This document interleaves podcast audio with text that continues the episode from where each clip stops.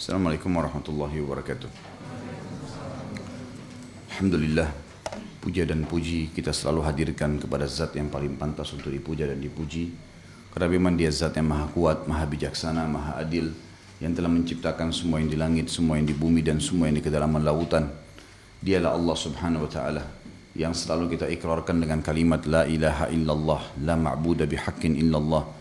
Tidak ada Tuhan yang berhak disembah di langit dan di bumi kecuali Allah. Dia pula yang telah menggantungkan nikmat-nikmat yang diberikan kepada kita dari makanan, minuman, pakaian, kesehatan, dan seluruh yang bisa membuat roda kehidupan kita berjalan di muka bumi ini dengan memuji namanya. Alhamdulillah. Maka sangat wajar kalau kita selalu mengucapkan kalimat yang mulia ini. Juga kita panjatkan salam hormat kita kepada manusia pilihan sang pencipta, manusia yang telah disempurnakan jalur nasabnya, disempurnakan fisik dan akhlaknya oleh sang pencipta Allah subhanahu wa ta'ala dan risalah langit kerasulan dan kenabian ditutup dengannya dan juga dinobatkan menjadi pimpinan anak Adam secara mutlak dan juga orang yang pertama mengetuk pintu surga dan masuk ke dalamnya. Sang pencipta Allah bersama malaikatnya mengucapkan salam hormat kepada manusia terbaik ini Maka sangat wajar kita sebagai pengikut yang setia Kalau selalu membacakan salawat dan taslim kepada Nabi besar Muhammad Sallallahu alaihi wasallam. Melanjutkan bahasan kita Mahkota pengantin dan kita masuk pada siang ini. Semoga Allah berkahi landasan memilih suami setelah kita membahas landasan memilih istri pada pertemuan yang lalu. Kata penulis, Adapun landasan yang wajib diletakkan oleh setiap wanita di depan pelupuk matanya dalam menerima laki-laki yang mengajukan lamaran kepadanya, maka syarat, landasan dan pedoman yang pertama ialah agama. Orang yang memiliki ketaatan beragama jika menyukai wanita berarti ia memuliakannya. Jika ia tidak menyukainya, maka ia tidak menzaliminya. Sebab kenapa seorang wanita harus memilih laki-laki yang mukmin, yang saleh? Karena kalau dia mencintainya, dia akan memuliakannya. Kalau dia tidak menyukainya, karena menikah karena orang tuanya, menikah karena kasihan, tetap dia tidak akan menzaliminya, tetap akan memberikan haknya. Dan ini tidak akan dimiliki kecuali orang yang beragama. Dan sudah saya sebutkan pada pertemuan-pertemuan kita yang lalu, setiap laki-laki di antara kita di sini harus hati-hati memilih calon ibu anak-anak kita. Karena status sperma kita masuk rahim dia dan dia hamil, maka dia akan menjadi ibu anak kita selamanya. Seburuk apa pun dia dan disebabkan ibu anak kita kepada dia. Begitu pula seorang muslimah, status sperma yang dia terima ke rahimnya salah dari laki-laki yang keliru, jahat, nakal, rusak dan seterusnya sudah cukup akan membuat ya anak yang lahir nanti di rahimnya ternisbatkan kepada laki-laki buruk itu selamanya. Makanya salah memilih pasangan, maka salah semuanya ke depan. Harus lebih hati-hati dan orang yang sudah terlanjur salah memilih harus konsekuensinya bersabar memperbaiki atau memang dia meninggalkan kalau tidak bisa diperbaiki. Dan dia memulai dengan sesuatu yang baru yang bisa dia perbaiki sisa umurnya karena kalau tidak jadi masalah buat dia. Intinya agama memang menjadi asas baik waktu kita cari atau bahas masalah landasan memilih istri, agamanya, dan landasan memilih suami juga sama agama. Kasus Nabi SAW menyuruh dahulukan agama ini teman-teman sekalian karena agama bisa mengontrol semuanya. Seseorang tahu dengan agamanya kalau dia adalah makhluk Allah, ada penciptanya. Siapa pun tidak melihatnya, Allah melihatnya. Itu karena agama yang memandu dia. Dia tahu mana mencari pendapatan yang halal sehingga memberikan makan istri anaknya. Seorang istri di rumah tahu, kalau dia tahu dia beragama, dia tahu dia punya Tuhan yang mengawasi walaupun suaminya tidak ada. Semua ini amanah. Makanannya, minumannya harus halal, pakaiannya halal. Mereka saling menasihati dalam kebaikan, saling membangunkan sholat malam, saling uh, mendukung untuk berbakti sama kedua orang tua dan dan dan seterusnya. Sampai pada tingkat kalau orang yang beragama itu pada pendidikan anak nanti masuk sekolah agama yang mana. Tidak perlu lagi khawatir, tidak ada bentrok. Karena banyak orang yang pasangannya beragama, dia tidak. Maka pada saat mau masuk sekolah agama, anak ribut, bentrok. Pada saat mau ngajak liburan, pada saat weekend yang tadinya mungkin bisa diajak ke pengajian, malah diajak ke tempat-tempat yang tidak benar. Bentrok terus, karena begini masalahnya. Cinta akan muncul dengan interaksi. Jangan usah khawatir. Misal ada orang, saya mau nikah sama seseorang beragama, tapi saya tidak mencintainya. Saya mau nikah, saya mau nikah sama seorang laki-laki atau perempuan tidak beragama atau kurang agamanya, tetapi, gitu kan? Tetapi eh, saya suka gitu. Maka ini keliru, ini bukan cinta namanya. Ini baru rasa cenderung karena cinta nggak mungkin kecuali dengan pengabdian, pengorbanan, ya, mengalah. Ini semua baru namanya, namanya cinta dan tidak mungkin kalau orang tidak interaksi. Ini paling paling paling luar biasa dalam masalah rumah tangga. Sampai kata Nabi SAW dalam hadis sahih saya tidak pernah diperlihatkan oleh Allah orang yang benar-benar memiliki cinta sejati mengalahkan suami istri. Memang interaksinya sudah sangat luar biasa. Gitu. Allah berfirman tentang masalah itu dalam surah Al-Baqarah ayat 221. A'udzu billahi minasyaitonir rajim. Wala 'abdun mu'minun khairum min musyrikin walau a'jabakum. Seorang budak mukmin lebih baik bagi wahai setiap muslimah diajak bicara dari orang musyrik walaupun dia menarik hatimu. Kata ulama tafsir ganteng putih gagah segala macam kekar kelebihan fisik ada padanya. Tapi orang musyrik atau orang yang tidak beragama atau orang ahli maksiat tetap harus ditinggalkan. Karena itu hanya formalitas duniawi saja di dunia memang ada perbedaan fisik antara kita semuanya tapi di akhirat tidak ada perbedaan ahli surga sama semua poster tubuhnya nanti tingginya, warna kulitnya, segalanya sama.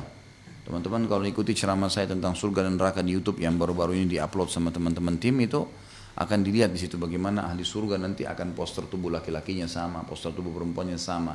Allah Subhanahu wa taala selalu memberikan kepada mereka kelebihan-kelebihan yang banyak, gitu kan. Beda dengan keadaan dunia. Dunia ini sebentar. Maka jangan fisik mengelabui kita. Ada orang subhanallah karena fisik atau ada orang karena harta. Jadi walaupun dia terhina, dia nggak bisa ibadah, nggak masalah. Gitu kan? Saya dapat informasi yang sangat menyedihkan gitu. Ada sebagian akhwat kita yang akhirnya setiap kali, setiap kali suaminya marah pasti sudah melayang tangannya, pasti sudah terbiasa. Kebun binatang semua dikeluarin gitu kan. Kemudian udah biasa kalau kata-kata ditendang, kata-kata diinjak, kata-kata ini apa semua ini? Rumah tangga apa yang dibangun? Apa yang ukti nyari dari laki-laki seperti ini? Apa yang mau dicari itu? Kita kan butuh naungan, laki-laki yang menaungi, yang mendidik, yang menyayangi, yang mengingatkan dengan sayang kalau kita lagi salah kan mestinya begitu. Lalu kenapa harus gara-gara fisik saja tapi kita tahu kasar? Tidak ada perempuan saya pernah bilang kalau istikharah atau laki-laki istikharah sebelum menikah kemudian Allah nggak tunjukin siapa pasangannya, mustahil. Dengan tiga hal, bisa mimpi sesuatu baik atau buruk tentang dia atau ada kecenderungan positif. Memang kita cenderung karena kita dapat informasi oh dia sholat malam, oh dia begini, oh dia begitu, oh dia dihadir pengajian. Atau memang ada informasi umum datang kepada kita secara kita tidak programkan. Kita dengar ternyata dia durhaka sama orang tuanya kah atau dia pernah gagal dalam masalah satu usaha menipu orang lah atau atau atau atau semuanya ada. Atau kita dapat informasi baik, oh dia umroh temani ibunya atau ayahnya, oh dia berbuat ini. Kita dapat informasi positif. Nah itu sudah peringatan dari Allah. Sudah tinggal tawakal kepada Allah kan gitu. Gak ada orang yang minta petunjuk lalu Allah gak kasih petunjuk. Tapi kitanya harus peka menangkap sinyal itu. Jadi buruk sekali kalau memilih pasangan hanya karena kelebihan fisik tanpa dahulukan agama. Tentu kalau bersatu Alhamdulillah. Ada fisik, ada agama luar biasa. Tapi kalau enggak, agama yang didahulukan. Gitu kan. Kemudian juga Allah SWT mengatakan dalam surah An-Nur ayat 26. A'udzu billahi minasyaitonir rajim wat-tayyibatu lit-tayyibina wat-tayyibuna lit-tayyibat. Dan wanita-wanita yang baik kata ulama tafsir adalah wanita-wanita yang sengaja menjaga hubungannya dengan Allah. Itu yang baik. Adalah untuk laki-laki yang baik pula. Pasti yang pasang yang datang melamar dia juga laki-laki baik. Dan laki-laki yang baik Laki-laki yang menjaga kehormatannya, hubungannya sama Allah, tidak berbuat masalah, maksiat di tengah-tengah tempat kerjanya atau di tempat umum dan seterusnya, adalah untuk wanita baik-baik pula. Allah akan datangkan juga wanita baik-baik yang akan menawarkan diri atau dia cenderung padanya. Jadi dipastikan kalau kita dahulukan agama, Allah akan dahulukan juga agama buat kita. Setiap orang yang subhanallah habisin waktunya di diskotik, di bar, berzina, pasti cenderungnya dia kepada orang buruk tuh. Pasti cenderungnya orang yang seperti itu. Akhirnya si laki-laki yang seperti ini nikah sama perempuan yang memang pelacur. Gitu. Perempuan-perempuan yang pelacur ini pasti nikahnya sama memang laki-laki yang hidung belang. Gitu kan. Memang sudah begitu jalurnya. Tapi orang yang terbiasa menjaga dirinya ibadah, hadir di majelis ilmu, dia sholat kalau azan, ini akan terjaga. Tutup auratnya kalau perempuan. Pasti akan datang juga orang-orang yang sama, sepadan dengan dia. Nabi SAW bersabda dalam hadis yang sahih riwayat Imam Tirmidzi dan juga Ibnu Majah serta Al-Hakim. Kata beliau SAW, "Idza khataba ilaikum man tardawna dinahu wa khuluquhu fazawwijuhu illa taf'alu takum fitnatun fil ardi wa fasadun 'arid." Jika orang yang kalian ridhoi agama dan akhlaknya meminang putri kalian, maka nikahkanlah ia. Jika kalian tidak melakukannya, maka akan terjadi fitnah di muka bumi dan kerusakan yang besar. Artinya pasti rumah tangganya kacau setelah itu. Kalau orang soleh dan soleh yang ditolak, ini berarti sudah kacau semuanya. Gitu kan? Enggak boleh. Satu-satunya cara kita bisa menolak kalau ada orang soleh atau orang soleh, kalau ada orang yang lebih baik dari dia. Memang kita punya pertimbangan, si A sama si B ini ternyata A soleh, B soleh. Tapi kita pertimbangkan dari salah satunya, itu nggak ada masalah. Itu boleh saja. Orang yang sama dengan dia atau malah orang lebih baik dari dia. Misal si A Memang agamanya bagus tapi kurang ekonominya. Si B, baik agamanya ekonominya bagus, kita pilih si B, itu wajar saja. Itu tidak ada masalah. Tapi kalau dipertemukan antara satu orang soleh atau soleha dengan orang yang buruk agamanya, maka ini tidak bisa. Gitu kan? Ini nggak bisa. Nabi SAW mengatakan kepada Bani eh, Bayawa dan hadis ini diriwayatkan oleh Imam Baihaqi Angkihu Aba Hindin aw angkihu ilai wa kana hajjaman nikahkanlah Abu Hind dan nikahkanlah putri kalian kepadanya. Abu Hind adalah tukang bekam. Jadi Nabi SAW pernah memotivasi satu suku namanya suku Bayawah. Suku Bayawah terkenal karena mereka memiliki kulit yang berwarna putih, maka diberikan julukan suku Bayawah. Terkenal dengan kecantikannya laki perempuannya laki-lakinya gagah-gagah gitu ya. Terus ada satu tukang bekam Nabi yang suka bekam Nabi namanya Abu Hind melamar perempuan di situ. Mereka ragu. Mereka maunya nikah sama-sama dengan orang mereka lah, gitu kan. Secara fisik dan seterusnya. Tapi Abu Hind itu orang soleh. Tukang bekamnya Nabi SAW, ahli ibadah. Maka Nabi SAW mengatakan, wahai bani, wahai bani bayawa, nikahkan Abu Hind. Ya, terima lamarannya. Dan nikahkanlah putri kalian dengannya. Ya. Nikahkan dia dengan saudari kalian, dengan tante kalian, atau dengan putri kalian dan Abu Hind adalah tukang bekam. Maksudnya di sini pekerjaannya bekam. Ya, orang-orang di bekam ya mungkin sekarang sudah mulai dikenal tapi zaman dulu memang itu adalah terapi pengobatan ya terapi pengobatan jadi kurang lebih seperti dokter kalau zaman kita sekarang ya. selanjutnya ibnu abi A ibnu abi Hazim meriwayatkan dari ayahnya dari Sahal dia berkata dan riwayat ini diriwayatkan oleh Bukhari مر رجل على رسول الله صلى الله عليه وسلم فقال ما تقول في هذا؟ قالوا حري, حري إن خطب أن ينكح وإن شفع أن يشف أن يشفع وإن قال أن يستمع. قال ثم سكت. فمر رجل من فقراء المسلمين فقال ما تقول في ما تقولون في هذا؟ قالوا حري إن خطب أن لا ينكح وإن شفع أن لا يشفع, أن يشفع وإن قال أن لا يستمع. Faqala Rasulullah SAW, Hada khairun min mil'il ardi mithlu hada. Seorang laki-laki pernah lewat di hadapan Nabi Muhammad SAW. Maka beliau bersabda, bertanya kepada para sahabat, apa pendapat kalian mengenai orang ini? Kebetulan orang ini punya kelebihan fisik yang luar biasa. Orangnya bajunya bagus, fisiknya bagus, wangi, gitu kan. Kata Nabi SAW bagaimana pendapat kalian dengan laki-laki ini? Mereka menjawab, ia pantas untuk dinikahkan bila ia meminang. Laki-laki ini kalau melamar pasti diterima nih. Diberi bantuan jika minta bantuan dan didengarkan kata-katanya jika berbicara. Karena ini orang punya wibawa. Kemudian Nabi SAW diam pada saat itu. Lewat laki-laki lain, tidak lama kemudian lewat seorang laki-laki fakir dari kalangan muslimin. Tadi itu orang kaya raya. Lalu kata Nabi SAW beberapa sahabat, apa pendapat kalian tentang orang yang kedua ini? Mereka menjawab, sudah sepantasnya ia tidak dinikahkan bila meminang, karena miskin. Ya. Tapi dia beriman ya, tidak diberi bantuan jika minta bantuan dan tidak digendarkan kata-katanya jika berbicara. Maka kata Nabi SAW, orang ini yang kedua yang miskin tadi lebih baik daripada orang yang seperti awal, ya semisal yang ini yang sudah lewat, walaupun sepenuh bumi. Hadis ini memberikan gambaran kepada kita, ternyata orang pertama memang tidak beragama, yang kedua beragama. Walaupun dia punya kelebihan fisik, punya kekayaan, lalu dibandingkan dengan orang kedua yang kurang, miskin ekonomi, fisiknya mungkin kurang, tapi beragama, Kata Nabi SAW, ini yang beragama lebih baik daripada itu walaupun itu sebanyak bumi ini. Jadi artinya di sini saking tegasnya e, diperintahkan untuk memilih suami yang soleh, ya, pasangan yang soleh. Tentu kita sedang bicara landasan memilih suami. Saudariku kata penulis, agama adalah barometer yang bisa anda gunakan untuk menilai laki-laki, bukan harta atau gelar yang dimilikinya tapi bila ia memiliki harta dan keahlian di samping agama maka itu suatu kenikmatan. Orang yang memiliki ketaatan beragama tidak boleh selama-lamanya dikalahkan dengan orang yang membuat propaganda dalam hal memotong rambut atau mengadakan propaganda di dunia pakaian. Jadi artinya jangan terpengaruh dengan itu karena orang yang beragama juga masih bisa dikemas. Pasangan kita yang soleh atau soleha kita bisa kemas. Artinya bisa kita berikan kalau ada rezeki beli pakaian yang bagus, bisa juga menata rambutnya seperti orang kaya, bisa. Gitu kan? Bukankah ada orang yang tadinya mungkin banyak orang kelihatannya kotor, kumuh justru karena masalah tidak merawat saja gitu kan. Tapi ternyata setelah dia dikemas, dia dirawat maka jadi bagus tuh, ya, nggak ada masalah. Ya. Demikian pula tidak boleh dikalahkan oleh orang yang hafal nyanyian tapi hatinya tidak hafal satupun ayat dari kitab Allah atau satu hadis pun dari hadis-hadis Rasulullah SAW. Artinya banyak orang memilih penyanyi. Tapi dia tidak memilih orang yang hafal Al-Quran. Ini salah sekali. Fatal sekali salahnya.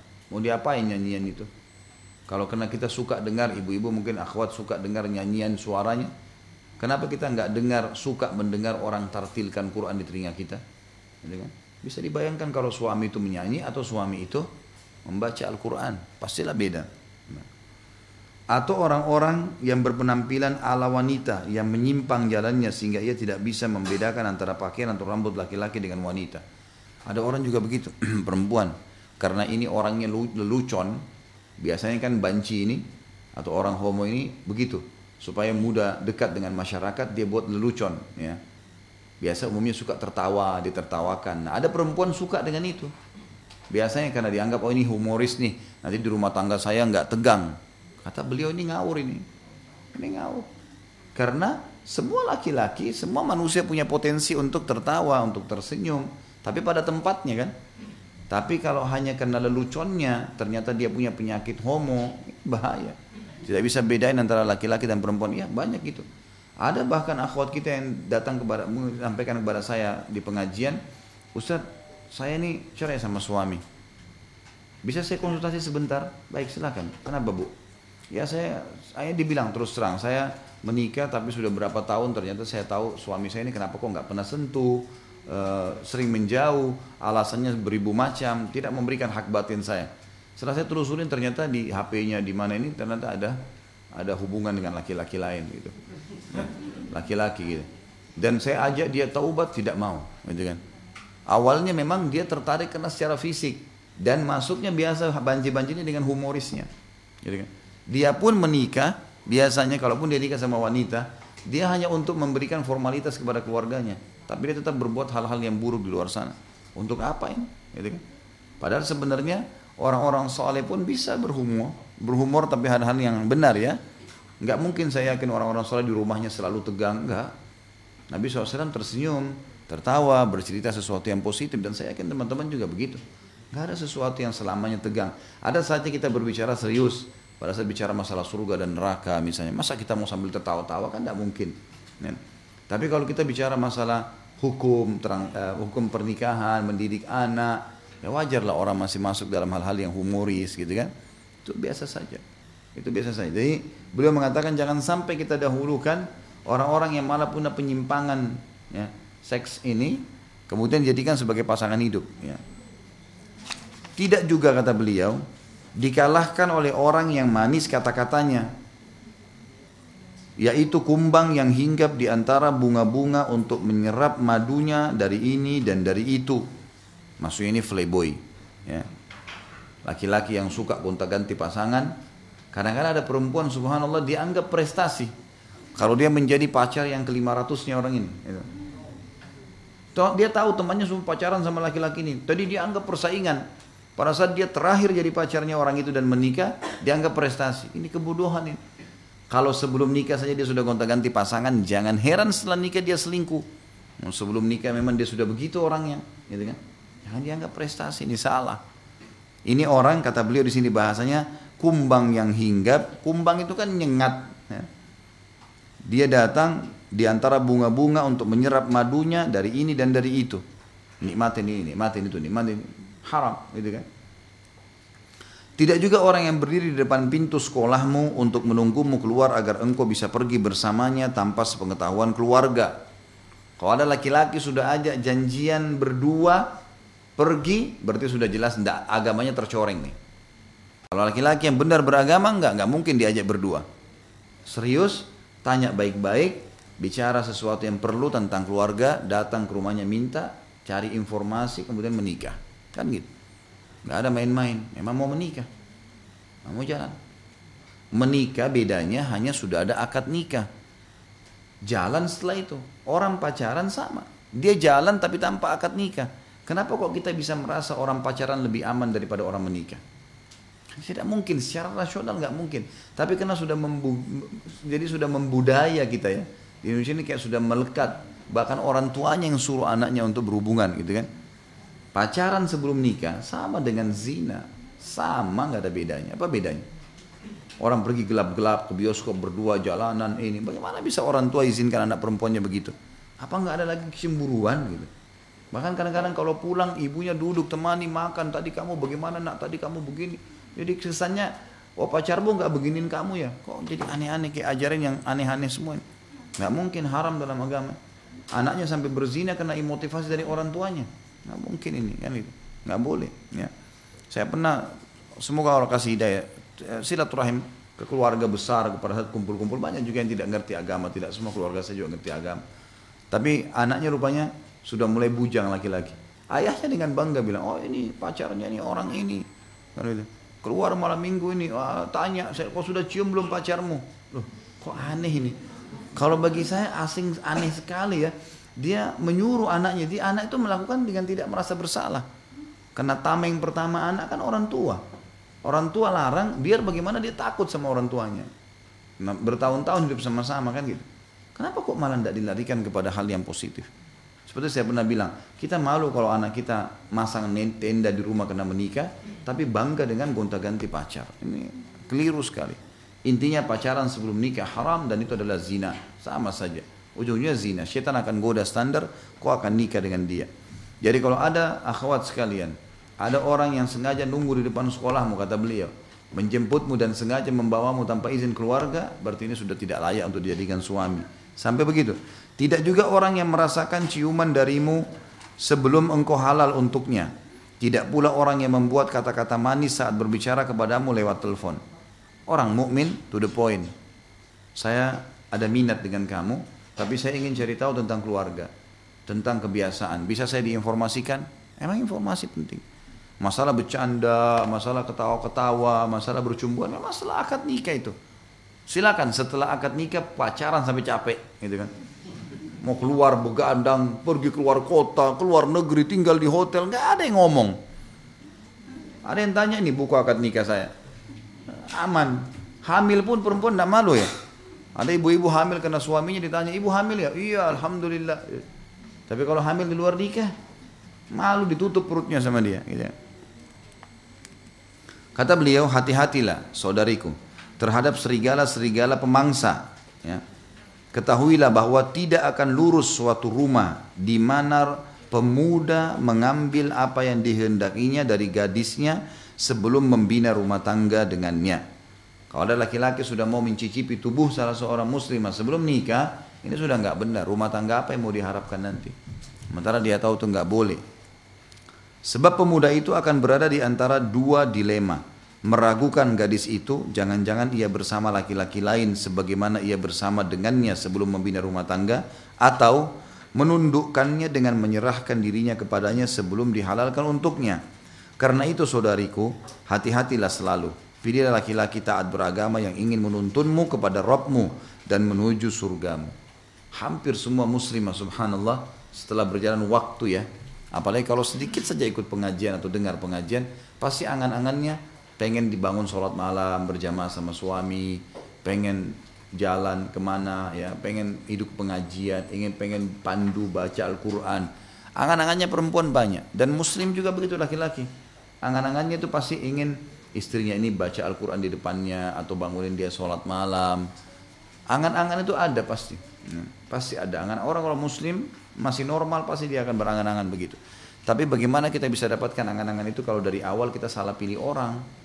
Emang dia juga tidak tahu harus bagaimana gitu. Jika ia termasuk penghafal kitabullah, kalau ada para penghafal Al-Quran, maka ia lebih didahulukan daripada selainnya. Jika ia termasuk da'i yang menyerukan manusia ke jalan Allah dengan pelajaran yang baik, maka suatu kebaikan bagi, baginya. Agama adalah asas di mana kehidupan rumah tangga dibangun. Ya. Tentu maksud beliau adalah kalau ada penghafal Al-Quran dahulukan dan banyak menghafal Al-Quran. Masalahnya dia mau nggak nikah dengan penghafal Al-Quran. Kadang-kadang tidak terfikir. Padahal banyak mukmin, ini kan? Banyak mukmin. Carilah calon suami yang kalau azan ke masjid, dekat rumah banyak masjid tuh. Yang selalu di pertama gitu kan. Banyak anak-anak muda Masya Allah yang saleh. Ya. Maka itu yang dijadikan sebagai pasangan hidup. Dan saya sudah jelaskan pada kita pada saat menjelaskan landasan mencari uh, landasan memilih calon istri sama dengan saya jelaskan sekarang bukan aib menawarkan diri tapi positif ya. Saya cenderung dengan seorang wanita misalnya saya mengatakan sedang mengucapkan misalnya assalamualaikum dan seterusnya dia tulis berita saya ada cenderung dengan anda atau dengan kamu. Apa ada respon? Masih positif tidak ada pelanggaran agama. Boleh kita membahasakan. Bukan aib perempuan membahasakan itu juga. Kalau lebih lanjut maka ingat saya ajarkan tuh hari konsep ta'aruf islami ada tiga hal. Kalau tertarik memang maka boleh kita melihat yang pertama kenali fisiknya. Melihat wajah dan telapak tangan wajah simbol muka ke, sampai ke perut dan telapak tangan, kemaluan sampai ke kaki. Kemudian kenali keluarganya. Keluarga ayahnya pasti menurunkan fisik nanti buat anak-anak kita. Kulitnya, rambutnya, warnanya ya, semua itu ada warna kulit, eh, paras wajah, eh, warna rambut, eh, rambut bentuk rambut dan itu adalah dari keluarga ayah. Dari keluarga ibu karakternya. Kita ambil globalnya, informasi. Siapa kira-kira keluarganya yang mungkin kita bisa kenal, mungkin kerja di mana, ada informasi kita bisa kumpulkan, dikumpulkan informasi tentang dia dan kenali lingkungannya. Kita boleh bertanya, kalau lagi liburan kamu lagi apain? Nah, kira-kira kegiatannya apa? Cukup sebatas pertanyaan itu. Oh saya kalau malam minggu ke diskotik, oh saya ke karaoke, oh saya uh, ke gini ke Bali, kalau liburan dan saya ya biasalah hibur diri misal. Atau ada orang bilang, oh saya kalau liburan saya biasa bantu orang tua saya oh saya kembangin usaha saya, oh saya nulis buku, oh saya habisin di perpustakaan, au au atau apa saja, banyak yang lainnya. Maka itu semua sudah cukup untuk kita menilainya. Kemudian dikatakan oleh beliau di sini diangkat satu poin dibilang dititikkan di sini ada titik hitam di buku kita. Hal-hal yang sebenarnya kalau kita mau kasih judul ini hal-hal yang semestinya dilakukan oleh seorang suami yang ideal. Yang pertama menurut penulis di sini, ia sanggup membiayai pernikahan. Berdasarkan sabda Nabi SAW, Ya ma'asyara syabab, man istata'a al-ba'a falyatazawwaj, farj, wa man lam yastati' fa alaihi bis sawm fa innahu lahu wija'.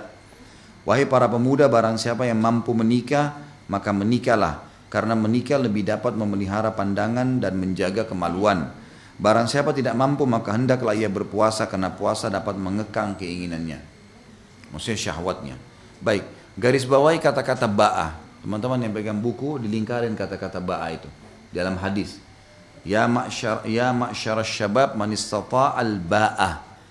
Al ba'ah itu artinya dalam bahasa Indonesia adalah setiap laki-laki yang begitu selesai akad nikah besok dia siap untuk bekerja banting tulang cari nafkah buat istri anaknya.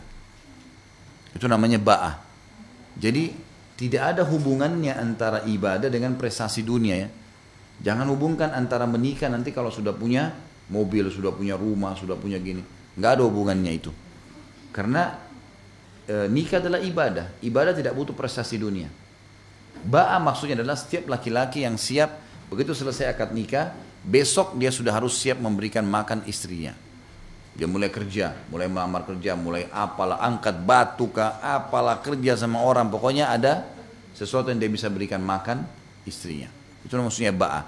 Jadi walaupun dia belum punya kerjaan boleh dia menikah. Yang dimaksud dengan biaya pernikahan di sini adalah bagaimana dia pada saat menjalankan karena ada lima hal yang harus diperhatikan dalam masalah pernikahan Islam kan. Yang pertama harus ada walinya perempuan. Mutlak ini, nggak bisa tidak. Kan? Kata Nabi SAW, wanita mana pun yang menikahkan diri tanpa izin walinya, nikahnya batal, batal, batal. Yang kedua, harus ada dua saksi, laki-laki terpercaya, menyaksikan pernikahan itu. Yang ketiga, harus ada mahar. Mahar sesuatu yang diletakkan pada saat akad nikah. Makin sederhana, makin banyak berkahnya. Ya. Yang keempat, ini diiklankan. Nah, iklankan ini maksudnya adalah Sabda Nabi SAW kepada Abdurrahman bin Auf, Aulim walau bisyat. Iklankan pernikahanmu walaupun dengan seekor kambing. Kata para ulama hadis, maksudnya adalah minimal laki-laki itu bisa potong satu ekor kambing. Anggaplah seekor kambing sekarang sejuta setengah misalnya. Mana itu? Kalau dia sudah bisa nyembeli satu ekor kambing ini mungkin kalau di dengan kemasan makanannya misalnya kan gitu, mungkin dua juta setengah, mungkin tiga juta, dia udah bisa itu iklanin pernikahannya maka dia sudah masuk dalam ba'ah. Masuk dalam ba'ah. Ingat, pernikahan bukan jual anak. Pernikahan bukan jual saudari atau saudara. Tapi pernikahan adalah memudahkan mereka melengkapkan agamanya. Itu penting. Karena ada orang tua begitu ya. Mau menikah kasih syarat. Harus begini, harus begitu, harus begini, harus begitu. Sampai akhirnya anaknya gadis tua. Saya pernah dipanggil untuk ceramah khutbah nikah ada satu akhwat kita itu menikah sama satu teman akhirnya e, mungkin kalau tidak sama kalau tidak salah sama-sama sekolah kuliah S3 gitu. Perempuan itu sampai S3 tidak menikah. Sudah umur berapa gitu. Ternyata memang karena ditunda-tunda, orang tuanya mau dia berprestasi. Sampai akhirnya sudah sangat tua baru menikah. Ini kesian. Angan-angan dia untuk punya anak, angan-angan dia untuk bisa bermanja sama suami karena perempuan normal makin berumur makin berkurang Beda dengan kalau anak-anak yang lebih muda, yang mungkin lebih suka bermanja dengan suami, sudah hilang semua. Yang semestinya dia bisa laluin gitu kan. Itu makna ba'a bagi laki-laki. Makna ba'a bagi perempuan. Eh, eh, tadi ada juga jangan ada jadi pernikahan itu dalam Islam harusnya ada wali perempuan, ada eh, dua saksi, kemudian ada mahar, kemudian ada diiklankan walaupun dengan seekor kambing ya. Jadi ini minimal dia bisa lakukan. Kemudian yang kelima adalah tidak boleh ada kemaksiatan dalam pernikahan itu sebelum atau sementara pernikahan. Misal kayak tadi saya bilang jangan pacaran sebelum nikah gitu kan. Kemudian juga di acaranya usahakan acara pernikahannya syar'i. Acara pernikahannya syar'i. Jangan ada pelanggaran-pelanggaran. Saya pernah jelaskan itu seperti misalnya banyak orang angkat nikah kemudian panggil penyanyi-penyanyi perempuan telanjang terbuka auratnya orang pada lihat. Dia panen dosa ngapain? Untuk apa? Gitu kan? Untuk apa? Kenapa begini ya? Kadang-kadang ada hal mungkin yang kita anggap tabu. Tapi saya coba dobrak wacananya bapak ibu ya. Kadang-kadang kita anggap tabu. Kenapa kita mau nganggap tabu? Kalau lagi ada walimah daripada penyanyi yang dibayar anak yatim yang didatangkan. Penghafal Al-Quran dari ma'had mana, ini loh penghafal Al-Quran. Harapannya supaya orang yang hadir di acara pernikahan itu tahu, berharap anak-anak mereka bisa hafal Quran seperti ini. Suruh baca Al-Quran. Kenapa kita tabu dengan itu? Kenapa kita nggak tabu dengan perempuan penyanyi dandut yang pahanya kelihatan, yang maksiat berjam-jam? Biayanya juga besar. Kenapa kita tabu dengan ini? Kenapa kita tabu kalau lagi liburan Eh, malam minggu atau hari ahad. Kenapa kita tabung aja anak kita ke panti asuhan supaya dia belajar bagi-bagiin sosial kepada anak yatim gitu kan. Dan kita tidak tabu membuang uang 2-3 juta di mall habisin dia dengar musik, main-mainan yang ngeng ngeng ngeng ngeng gitu. Buang-buang uang saja gak ada gunanya gitu kan. Kenapa kita tidak coba dobrak nih wacana kita? Kenapa selalu kesannya yang berhubungan dengan agama ini kayak kolot, kayak tabu, kayak nggak masuk di akal gitu. Kalaupun harus didatangkan ya, itu kan sesuatu yang bisa saya. Tapi kalau tidak pun, maka minimal jangan ada kemaksiatan. Ya. Ba'a, kita masuk sekarang ke ba'a bagi perempuan. Makna ba'a bagi perempuan adalah wanita yang siap untuk digauli oleh istri oleh suaminya, hamil jadi ibu. gitu loh. Jadi nanti dia siap nih digauli sama suaminya, dia layani suaminya di rumah tangga dan hamil urus anak. Itu namanya ba'ah. Sudah cukup. Nah, kata ulama, kalau ada laki-laki umurnya 17 tahun sudah ba'ah. Dewasa, siap bekerja, mau menikah, nikahkan. Kalau ada laki-laki 30 tahun tidak ba'ah, jangan nikahkan.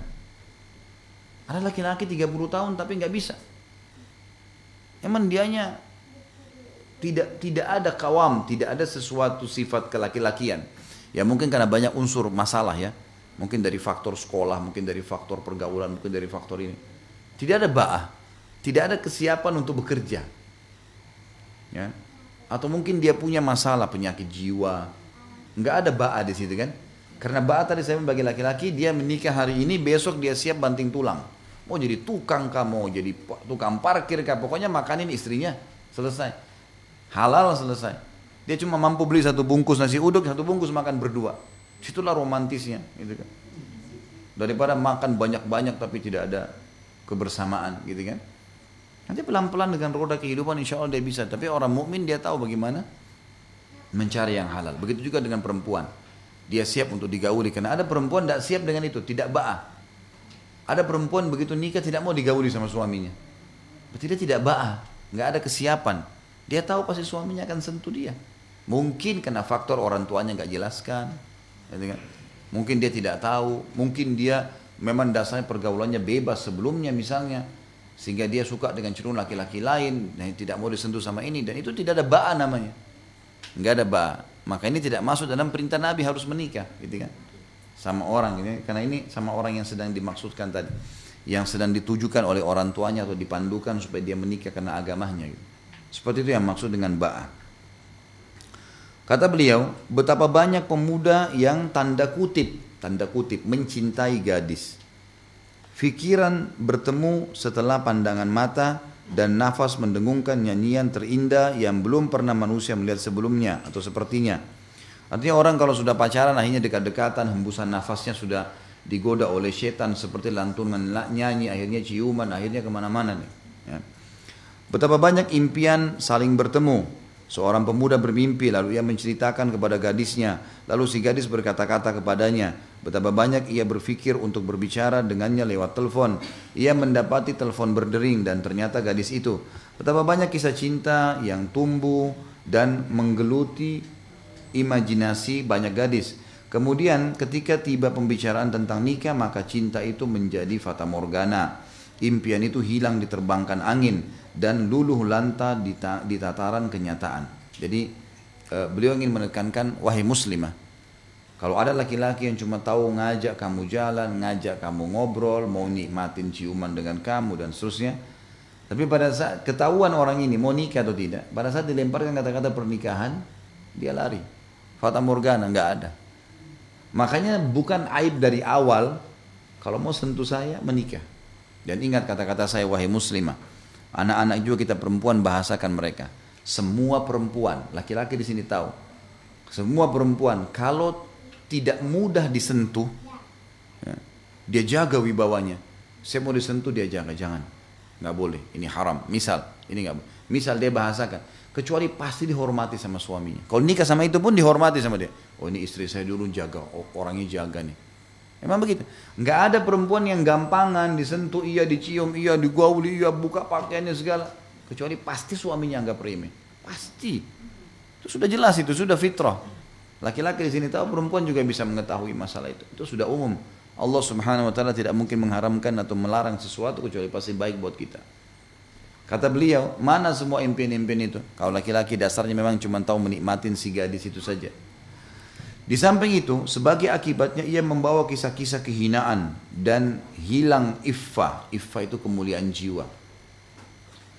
Adab dan rasa malu. Setelah itu ia tidak akan kembali lagi seperti semula. Jadi kalau saya sudah diajak menikah, maka orang-orang yang hidung belang ini pasti mencari seribu satu alasan supaya tidak jadi pernikahan itu. Alasan saja, oh, nanti lagi ini lagi itulah orang tua saya, saya masih mau sekolah, saya masih mau S3, saya masih seribu satu alasan. Lari dari kenyataan yang harus dia langkahi, yang dia harus jalani, gitu kan. Nah ini semua adalah fakta orang-orang yang tidak akan bertanggung jawab. Lalu untuk apa? Ruginya kita sudah disentuh kenapa gitu. Ya. Ciri-ciri beda dari surga adalah mereka tidak pernah tersentuh oleh manusia dan juga jin. Ya. Kemuliaan Maryam alaihissalam dimuliakan sama Allah sampai hamil nabi tanpa suami sebagai tanda bukti karena wanita suci. Dikatakan sifat Maryam tidak pernah ngobrol sama laki-laki kecuali mahramnya. Tidak pernah ngobrol satu kali pun seumur hidup. Pertama kali Maryam bicara sama laki-laki yang bukan mahram itu pun rame-rame waktu sudah gendong Mari Isa alaihissalam. Baru kaumnya tanya, Hai Maryam, dari mana nih? Mereka tahu Maryam nggak pernah bicara sama laki-laki. Ayahmu bukan Laki-laki yang hidung belang, ibumu bukan pelacur. Kok bisa? Maryam juga nggak ngomong. Dalam Al-Quran, Maryam cuma tunjuk bayinya. Nggak ngomong, nggak ada lisannya ngomong. Mereka bilang, bagaimana kami bisa ajak ngomong bayi dalam buayan? Nabi Isa yang jawab. Artinya kesuciannya luar biasa sudah. Sulit untuk digambarkan. Kan itu. Wanita suci ini pasti Allah datangkan laki-laki suci buat dia. Pasti. Saya nggak tahu saya pernah cerita atau enggak kisah wanita bercadar di Bogor. Sudah ya? Main belum aja. Udah tahu langganan pasti belum. Ada teman saya, eh, teman ayah saya, beliau cerita satu kampung. Jadi beliau kemudian tinggal di wilayah Bogor, satu wilayah Bogor. Saya nggak usah sebutin nama tempat kecepat, eh, kecamatannya lebih tepat. Yang jelas di situ rupanya tempat beliau eh, apa namanya sering datang gitu, kenal baik sama imam masjidnya. Dia bilang ini teman ayah saya masih hidup sekarang, subhanallah masih sehat dan alhamdulillah, semoga Allah jaga. Terus dia cerita sama saya, dia bilang ada satu uh, pengusaha dari Prancis, orang ini kaya raya, soleh, datang ke Jakarta. Terus ketemu saya, kata teman saya ini. Terus dia bilang, akhi, saya pengen lihat perkampungan Indonesia. Ingin tahu perkampungan Indonesia ini. Ya baiklah, tiba-tiba teman ayah saya bilang, saya bawa ke kampung itu deh, ke tempat saya nih. Pergilah sini, tidak jauh dari Jakarta, mudah terjangkau, pergilah ke sana. Masuk di masjid, dia lihat masjidnya sederhana, dia bantu ini saya mau bantu ketemu imamnya. Subhanallah habis sholat duhur lagi ngobrol-ngobrol masalah bantuan masjid lewat satu akhwat pakai cadar. Ini akhwat ini rupanya sudah kurang lebih enam bulan pakai cadar di kampung itu. Dan setiap hari diolok-olok oleh anak-anak muda di situ. Ini siapa yang mau nikah ini perempuan nih pakai cadar apa tuh cadar apa tuh caci maki karena nggak ada di sana semua perempuan nggak pakai cadar nggak pakai jilbab malah aneh nih perempuan nih tetap aja dia istiqomah mau diolok-olok sampai yang berita tersema, tersebar sekali di kampung itu adalah perempuan ini nggak bakal ada yang mau nikahi. Begitu beritanya. Lewat perempuan itu subhanallah tidak diatur hikmah Allah lewat dekat masjid. Si pedagang pengusaha Perancis ini bilang, siapa itu? Kata imam masjid itu perempuan terbaik di kampung ini. Nggak ada perempuan kayak dia. Nggak bergaul sama laki-laki orang, tapi dicaci maki sama anak, -anak muda di sini. Kata si pengusaha sudah nikah. Dia bilang belum, lamarin buat saya. Lamar, menikah. Iya, Dilamar menikah dibawa ke Perancis gitu. Subhanallah, teman ayah saya bilang Allah datangkan jodohnya dari Perancis di kampung di pedalaman Bogor. Orang suci Allah datangkan orang suci. Nggak perlu khawatir gitu kan. Tapi orang buruk jadi buruk juga gitu kan. Ini contoh perempuan, contoh laki-laki juga banyak gitu kan. Kalau antum di sini jaga istiqamah orang mau bilang kamu alim ya itu orang alim itu diolok-olok biarin aja. Karena nanti juga akan Allah utus wanita yang seperti kita. Nanti akan datang tuh wanita yang memang jaga seperti kita juga. Jadi nggak heran gitu. Jadi seperti itu pemahamannya. Kemudian ada pun perkataan Nabi SAW kepada Fatimah binti Qais. Ya. Amma Muawiyatu fasu'lukun la malalah. Adapun Muawiyah maka ia fakir tidak memiliki harta. Jika ada dua orang yang memiliki agama dan wara, wara itu kesucian hubungan dengan Allah, datang kepada seorang wanita maka yang memiliki harta lebih didahulukan atas yang lainnya. Namun orang yang memiliki agama tidak boleh ditolak karena sedikit hartanya. Jadi maksudnya adalah Fatimah binti Qais ini pernah mau menikah, sahabiat. Minta Nabi SAW pilihkan. Ada lamaran dari seorang sahabat namanya Muawiyah. Gitu kan. Lalu kata Nabi SAW, karena dia Muawiyah saleh. Ada sahabat yang lain juga saleh. Tapi bertemu antara solehnya ini dengan tidak ada harta solehnya ini dengan ada harta. Sama-sama kesolehannya. Maka Nabi SAW bilang, kalau Muawiyah, memang dia soleh, tapi nggak ada harta. Maksudnya Nabi, kamu bisa pilih yang satunya, nggak masalah. Itu yang beliau maksudkan sini, jika ada dua orang yang memiliki agama dan wara, datang kepada seorang wanita, maka salah satunya memiliki harta, dahulukan yang pilih harta. Nggak ada. Karena memang dia butuh untuk biaya hidupnya. Gitu kan? Tapi di sini adalah masalah kesolehan. Lalu beliau bilang, orang yang memiliki agama tidak boleh ditolak karena sedikit hartanya. Jangan sampai nanti karena ada orang sedikit harta beragama ketemu dengan orang kaya tidak beragama lalu kita dahulukan yang kaya tidak beragama. Bukan ini ini baru didahulukan ini. Tapi ketemu antara soleh sama soleh. Tapi ini lebih kaya boleh dipilih, nggak ada masalah. Karena tolak ukurnya kesolehannya sudah ada. Maka kekayaan nilai plusnya, gitu kan. Yang kedua, dianjurkan juga agar suami itu belas kasih kepada istri. Berdasarkan sabda Nabi SAW, Amma Abu Jahmin fala yadau asahu an atiqihi. Jadi laki-laki yang pelindung. Orang yang beragama itu melindungi. Ya. Ini tentu kita bisa, eh, akhwat kita bisa mencari tahu tentang ibunya, tentang tantenya, meminta nomor teleponnya, eh, mendatangi mereka, berbicara, nanya gitu kan sepupunya uh, tentang kondisi laki-laki ini seperti apa. Pasti umumnya orang tahu lah. Orang itu kalau penaung, pelindung, memang baik, orang tahu ini baik nih. Orang tahu oh, ini buruk nih. Orang orang bisa secara umum bisa bisa nilai kok, gitu kan. Maka di, Nabi SAW di sini memasukkan kriteria wanita laki-laki yang kedua adalah tadi masalah agama, kemudian yang kedua dia sanggup uh, membiayai pernikahan, kemudian yang ketiga kita masukkan yang pertama tadi agamanya ya yang ketiga dianjurkan agar suami berbelas kasih orang yang baik ya, pada istrinya. Sebagaimana sabda Nabi SAW, kalau Abu Jaham maka ia tidak menaruh tongkatnya dari pundaknya. Menurut mereka yakni banyak memukul wanita. Jadi Fatimah binti Qais tadi ada Muawiyah yang lamar, soleh tapi miskin. Ada Abu Jaham kaya tapi suka mukul. Gitu. Ada juga nanti ada juga sahabat yang lain tapi di sini tidak disebutkan namanya yang soleh. Lalu Nabi SAW suruh nikah sama itu. Kalau tidak salah di sini adalah Zaid bin Harithah. Nikahlah sama Zaid karena Zaid adalah orang yang soleh. Tapi dia memiliki harta sedikit dibandingkan dengan Muawiyah pada saat itu belum punya apa-apa. Selanjutnya yang keempat adalah dianjurkan agar suami itu enak dipandang dan bagus penampilannya sehingga istri senang melihatnya dan tidak membencinya. Jadi laki-laki juga harus menjaga pakaiannya, rambutnya, penampilannya, bau badannya. Jadi ini peka, hati-hati teman-teman yang sudah berumah tangga. Saya bahasakan sama istri saya, hati-hati. Jangan pernah ada sesuatu yang tidak nyaman dari bau, terutama bau. Bau mulut kah, bau badan kah, bau pakaian kah, bau tempat tidur kah, bau masakan yang tidak enak kah. Ini semua tidak boleh. Ini bau yang tidak enak hilangkan. Karena jiwa manusia suka yang wangi, gitu kan? Wajar pakaian yang bersih, ranjang yang bersih, mulut yang bak, wangi, itu semua adalah hal yang mendasar. Jangan pernah memulai hubungan biologis kalau suami istri sementara ada sesuatu yang tidak nyaman nih. Teman-teman laki-laki pulang kantor, walaupun lagi mungkin kepengen mendekati istrinya, pamit sebentar ya maaf, masuk kamar mandi sebentar, 5-10 menit mandi, segar keluar silahkan gitu kan. Begitu pula dengan perempuan, mungkin lagi pengen dekat sama istri suaminya, tapi mungkin dia baru habis masak, baru habis ini, Gak ada salahnya cuci tangan sebentar, pakai sedikit minyak wangi, baru duduk. Kenapa tidak? Karena itu syaitan bisa tunggangi ya. Sedikit bau tidak nyaman sudah membuat pasangan kita traumatis dan bahayanya bau tidak sedap ini akan mem, syaitan akan tunggangi jadi traumatis. Jadi sekali kita cium bau bulu tidak enak dari pasangan kita, syaitan akan tunggangi. Ini mulutnya bau lagi nggak sih? Akan seperti itu, ditunggangi sama syaitan. Sekali kita maaf mencium bau ketiak yang nggak enak, maka Nanti pasangan kita akan ini bau nggak ya? Gitu. Akan seperti itu. Maka ditunggangin. Makanya kita harus hindarin. Kita harus hindarin. Dan maaf teman-teman terutama yang sudah ikut pengajian harus tahu sunnah Nabi SAW bersih, wangi, rapi itu sunnah Nabi itu. Dari rambut kita disuruh rap, rapikan. Kata Nabi SAW siapa yang punya rambut maka dia harus hormatin.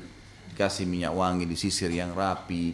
Pakaiannya Nabi SAW menggunakan kain kutun dari Yaman gitu kan boleh menggunakan baju warna merah, warna warna hijau, baju warna uh, apa namanya hitam. Beliau pernah menggunakan baju warna putih. Kemudian beliau juga menggunakan wangi-wangian sampai dari rambut beliau netes minyak wangi, gitu kan? Karena banyaknya Nabi SAW pakai wangi-wangian dan seterusnya lah ya. Beliau selalu menggunakan siwak. Beliau juga menganjurkan agar mencukur bulu ketiak, bulu kemaluan, mencukur kumis bagi laki-laki. Semua ini kan adalah kebersihan. Memotong kuku. Ini semua perintah dalam agama. Jadi kita disuruh bersih. Kita tahu tidak boleh ada najis, tetes kencing saja udah cukup tidak boleh sah ibadahnya. Berarti kita disuruh bersih memang. Kan itu, bersih. Salah satu penyebab azab kubur tidak sucikan diri pada saat cebok. Ini haram, dihubungkan dengan dosa hukuman dan berarti lawannya kita harus bersih. Seperti itulah. Jadi ini harus seharusnya ya, sebagaimana istri juga begitu ya. Istri harus layak dipandang, enak. Ibu-ibu harus selalu selalu e, melakukan hal yang membuat pasangan menilai kita positif. Jadi kurang lebih kurang lebih ya, kurang lebih seperti orang kalau kita lagi baru masuk tempat kerja, atau mungkin ada orang kalau di alam dosa dia baru pacaran biasanya dia coba memilih baju yang terbagus dia pilih minyak wangi yang terbagus dia berusaha nanti tutur katanya diatur. Itu dalam perbuatan yang haram tidak boleh. Tapi suami istri mestinya jauh lebih lebih pantas melakukan itu. Kalau mau ngomong tutur katanya diatur rapi memang kita menggoda pasangan dengan positif atau menuntun kepada yang baik atau mengingatkan dengan cara yang santun dan kita harus masuk ke semua itu nikmatin rumah tangga kita dan maksimalkan dengan kemesraan, dengan keharmonisan. Dan itu kita bisa buat sebenarnya. Kemudian yang selanjutnya adalah ia seorang pemuda, ia lebih didahulukan daripada lelaki tua yang lemah agar tercapai kesamaan pikiran dan perasaan. Namun tidak mengapa lelaki tua menikah dengan wanita yang jauh lebih muda daripadanya. Bisa jadi laki-laki tua jauh lebih lemah, eh, jauh lagi lemah lebih baik daripada 100 pemuda jadi dilihat kalau misalnya ketemu antara seorang laki-laki yang masih muda, tidak terlalu jauh umurnya, dengan laki-laki yang jauh umurnya, dan dua-duanya memiliki kelebihan-kelebihan, soleh dan soleh gitu kan. Maka didahulukan anak muda, didahulukan anak muda. Wajar itu sangat normal supaya bisa sepadan dengan dia. Tentu di sini pada saat si akhwatnya memang juga masih muda, gitu kan. Maka sepadan bisa mengimbangi itu. Tapi kata beliau, tidak ada salahnya menerima lamaran laki-laki yang tua, gitu kan. Itu tidak ada masalah. Ada ada tipologi tipologi perempuan maunya dinaungi, maka dia suka dengan kebapaan. Biasanya kalau anak perempuan yang manja sama ayahnya, itu dia suka sama laki-laki lebih tua. Gitu kan? Biasanya begitu karena dia tahu kalau lebih tua dia posisikan seperti ayahnya. Mungkin ayahnya suka peluk dia, suka lindungin dia, maka dia berharap suaminya pun begitu. Itu biasanya begitu ya. Tapi kalau perempuan yang e, mungkin dia tidak terlalu dekat dengan ayahnya, dia umumnya bergaul dengan teman-teman yang sebaya dengan dia, maka harapan dia biasanya laki-laki yang muda. Jadi saran beliau di sini kalau bertemu antara yang muda dan beragama serta yang tua yang beragama dahulukan yang muda, ya. Sebab dia akan lebih sepadan. Tapi boleh menerima yang tua. Bahkan kata beliau kalau orang tua bahkan lemah pun tapi beragama dipertemukan dengan laki-laki muda yang kuat, energik tapi tidak agama tetap ini lebih baik. Kata beliau di situ kan. Beliau mengatakan bisa jadi laki-laki tua lagi lemah jauh lebih baik daripada 100 pemuda kalau dia beriman kepada Allah Subhanahu wa taala. Selanjutnya yang terakhir adalah ia sekufu atau setara, sepadan dengan gadis itu dari sisi usia, tingkat pendidikan, tapi agama lebih didahulukan, kecerdasan, materi, fisik dan semisalnya. Ini juga termasuk bahan pertimbangan. Datang seorang laki-laki, misal akhwat ini memang pendidikannya tinggi, mungkin S1 misalnya. Kemudian datang uh, ikhwah tamatan SMA, ngelamar dia. Ada ikhwah yang lain kuliah, sepadan sama dia yang mana? Yang kuliah. Tentu kita bicara idealnya, dua-dua punya agama. Jadi ada hulukan yang sepadan. Karena jenjang pendidikan berpengaruh ke cara berpikir. Ya. Oh iya ternyata begini, ternyata begini. Mungkin kadang-kadang juga kosakata yang digunakan berbeda, ya. Teman-teman yang sudah kuliah kosakatanya beda dengan orang yang SMA misalnya. Ini tanpa merendahkan tentunya ya. Nah sama, kalau dia juga tingkatannya cuma SMA, wajar kalau dia nikah dengan orang yang begitu, nggak ada masalah, gitu kan. Tetapi beliau mengatakan kalau ada pun orang yang tidak berpendidikan tapi agama lain, agama tetap di nomor satu kan. Tapi kalau bertemu sekarang punya agama, tapi punya pendidikan, maka ini dipertemukan. Sama juga dengan masuk masalah sepadan ini, kufu ini adalah fisik. Adalah fisik, ya. Sangat wajar kalau misalnya seorang akhwat punya kelebihan fisik, punya kecantikan, dia mau nikah dengan laki-laki yang gagah, itu wajar saja. Manusiawi. Manusiawi itu, gitu kan? Wajar. Sebagaimana juga laki-laki begitu. Dan tidak boleh misalnya ada seorang akhwat kecewa gara-gara mungkin dia punya kekurangan fisik, Kemudian ada laki-laki soleh yang tadinya mau melamar dia dan melamar temannya, lalu memilih temannya. Itu hal yang manusiawi sekali. Tidak boleh kita kecewa di situ. Biasa saja. Ya. Itu kena manusiawi ya. Nah, jadi nggak boleh kita malah menghina laki-laki itu mengatakan kamu mentang-mentang begini oh, apa dan segala. Bukan hak kita itu. Nggak perlu gitu, nggak ada masalah. Jadi kita harus memperbaiki, jangan ada dendam, jangan ada apa-apa yang buruk di sini dalam masalah membangun rumah tangga. Jadi tapi kufu penting. Masuk dalam kufu juga adalah sesuku, sebahasa, itu masuk kufu juga. Ya, kufu. Jadi boleh menikah sama sepupu, nggak ada masalah. Iya, menikah sama sepupu, anaknya paman, itu kan bukan mahram, ya. Kalau kita lihat ternyata sepupu ini mukmin atau mukminah dan memang dia ya sudah ada agama ya, bertemu antara dia dengan orang asing yang kita tidak tahu misalnya. Jauh lebih kufu ini. Itu maknanya kufu, sepadan. Karena dia akan lebih bisa masuk dengan kita, masuk dengan keluarga, masuk dengan ini. Masuk dalam sekufu tadi sesuku, senegara, kayak misalnya sama-sama warga negara Indonesia, karena sudah terbiasa dengan sayur asamnya, dengan gado-gadonya, dengan segala. Kalau nikah sama orang bule misalnya, butuh adaptasi. Bukan tidak boleh, tapi adaptasinya butuh ekstra waktu, ekstra energi, ekstra adaptasi lah ya. Bukan tidak boleh, tapi tetap sekufu didahulukan. Kufu artinya orang yang mudah jalan lah. Kita begitu nikah sudah langsung jalan deh. Mau cari nasi goreng udah langsung makan gitu kan.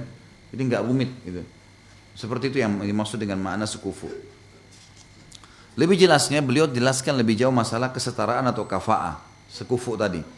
Dalam pernikahan Ibnu Qayyim rahimahullah mengatakan, Allah Subhanahu wa taala berfirman, A'udzu billahi minasyaitonir rajim. Ya ayuhan nasu inna khalaqnakum min dzakarin wa untha wa syu'uban wa qabaila lita'arafu. Inna akramakum indallahi atqakum innallaha alimun khabir. Hai manusia, semua dari suku mana pun dia bicara sama Allah, kami menciptakan kamu dari dari seorang laki-laki dan seorang perempuan dan menjadikan kamu berbangsa-bangsa dan bersuku-suku agar kamu saling kenal mengenal. Sesungguhnya orang yang paling mulia di sisi kamu eh, di antara kamu di sisi Allah adalah orang-orang yang paling takwa di antara kamu. Sesungguhnya Allah Maha mengetahui lagi Maha mengenal. Maksudnya adalah di sini ada suku-suku bangsa-bangsa. Kita boleh menikah dengan suku-suku dan bangsa-bangsa kita atau menikah dengan yang lainnya juga tidak ada masalah. Ya. Kemudian juga masuk dalam makna sekufu bisa keluarga, bisa suku, bisa senegara, sebahasa, bisa juga seagama. Lebih luas lagi masuk dalam kufu, gitu kan?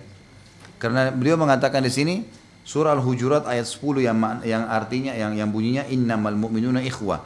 Sesungguhnya semua orang beriman itu bersaudara. Dan juga dalam At-Taubah ayat 71 wal mu'minuna wal mu'minatu ba'duhum awliya'u ba'd. Dan orang-orang yang beriman lelaki dan perempuan sebagian mereka adalah menjadi penolong bagi sebagian yang lainnya.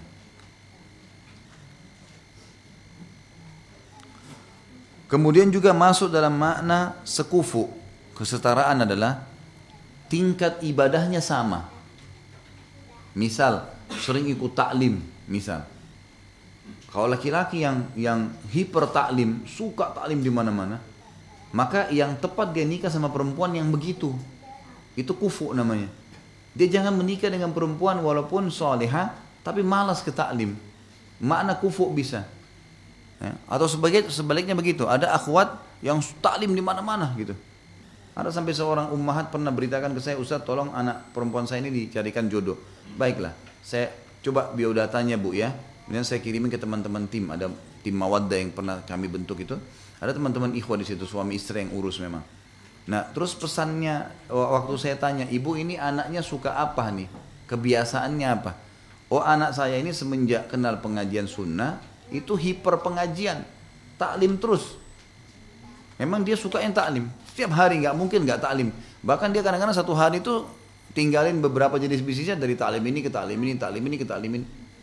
Maka bahasa saya adalah kalau kepada tim yang akan ngurus harus dicarikan ikhwah yang hiper taklim juga nih supaya bisa ngembangin.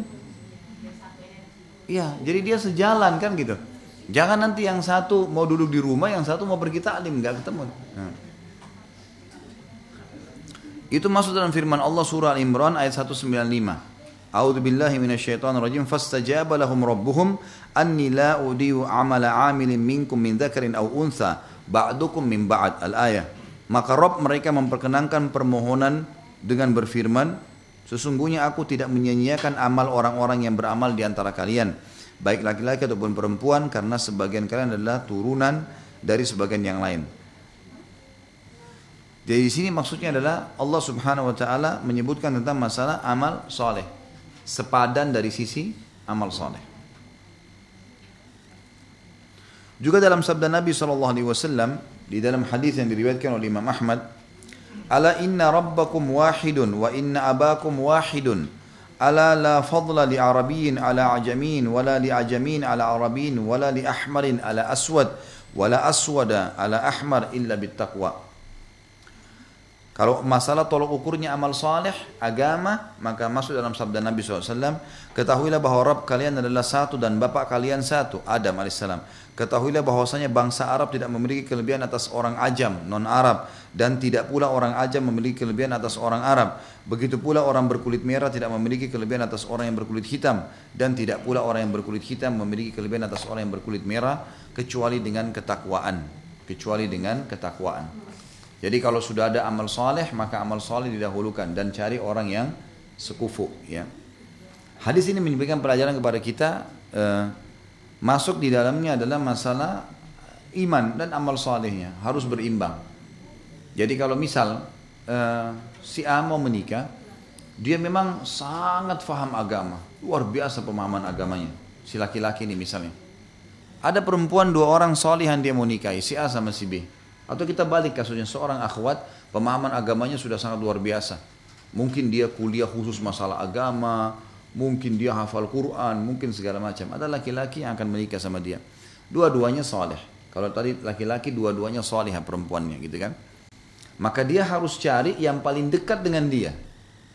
Dari kedua yang soleh ini, yang paling dekat mengimbangi dia. Misal tadi si perempuan ini hafidah Quran. Di antara yang lamar dia yang satu belum hafal Quran sama sekali, yang satu hafal misalnya 10 juz. Dia dahulukan yang ini. Supaya sejalan dengan dia. Padahal dua-duanya soleh gitu kan. Jadi memilih yang lebih dekat dengan dia. Itu yang dimaksud dengan hadis tadi.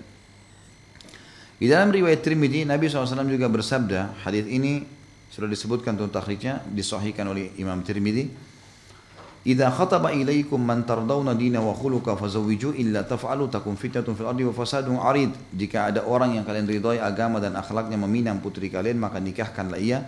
Jika kalian tidak melakukannya maka akan terjadi fitnah di muka bumi dan kerusakan yang besar. Maksudnya tadi masalah kebersamaan dalam masalah agama.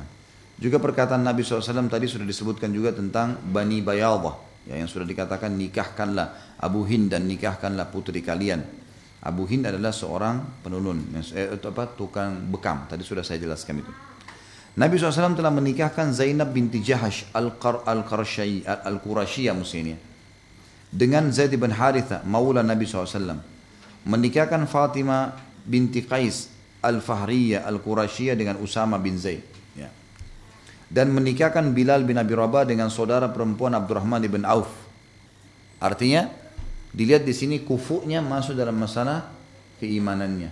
Padahal sebenarnya Zainab binti Jahash ya, yang menikah dengan Zaid bin Harith nanti jadi umbul mukminin ya. Ini masih ada hubungan kerabat dengan Nabi SAW. Dulu tuan terkenal. Ini punya jalur nasab yang bagus gitu. Tapi setelah Islam ternyata dia soleha. Kemudian suaminya Zaid juga soleh. Tapi soal Zaid ini bekas mantan budak. Cuma punya pekerjaan. Lalu Nabi SAW menikahkan Zainab sama Zaid. Begitu pula Fatimah binti Qais tadi yang minta dinikahkan dengan Abu Jaham atau e, Muawiyah. Lalu kemudian Nabi SAW suruh menikah dengan Usama bin Zaid, anaknya Zaid bin Haritha. Padahal Usama ini adalah anaknya Zaid. Zaid adalah mantan budak gitu kan. Kemudian juga menikahkan Bilal bin Rabah kita tahu adalah mantan budak yang dibebaskan oleh Abu Bakar dan dengan saudara perempuannya Abdurrahman bin Auf. Abdurrahman bin Auf terkenal tokoh Mekah. Berarti adiknya adalah juga wanita yang terhormat. Allah berfirman dan wanita-wanita yang baik adalah untuk laki-laki yang baik dan laki-laki yang baik adalah untuk wanita yang baik pula. Kemudian juga dalam Al-Quran dikatakan surah Nisa ayat 3 Fankihu ma tabalakum minan nisa maka kawinilah wanita-wanita yang kamu senangi. Makna tafsirnya adalah menikahi yang sepadan dengan kalian. Keputusan Nabi SAW menunjukkan agama lah yang dijadikan sebagai tolak ukur dalam kafa'ah atau kesetaraan baik pokok maupun kesempurnaan. Tidak boleh wanita muslimah dinikahkan dengan laki-laki kafir atau wanita baik-baik dinikahkan dengan laki-laki durhaka. Al-Quran tidak menganggap selain itu sebagai standar kafa'ah. Karena wanita muslimah diharamkan dinikahkan dengan pezina yang keji. Nasab, jalur keturunan, pekerjaan, kekayaan, dan status merdeka tidak dijadikan menjadi standar. Karena itu hamba sahaya fakir, boleh menikah dengan wanita merdeka yang bernasab lagi kaya. Jika ia adalah laki-laki yang memelihara diri lagi muslim. Boleh juga laki-laki bukan Quraisy menikah dengan wanita Quraisy. Laki-laki bukan dari Bani Hashim boleh menikah dengan wanita Bani Hashim. Dan laki-laki fakir boleh menikah dengan wanita kaya. Kalau bertemu dengan masalah konsep agamanya. Gitu. Kalau bertemu dengan konsep, jadi agama di atas segalanya. Tapi kalau ketemu tadi saya bilang antara agama sama agama, tapi yang satu punya kelebihan harta, boleh didahulukan ini. Karena sudah ada tolok ukur utamanya. Ahli fakih atau ahli fikih berselisih tentang kriteria kesetaraan. Menurut Malik, Imam Malik maksudnya, dengan zahir madhabnya, kafa adalah agama.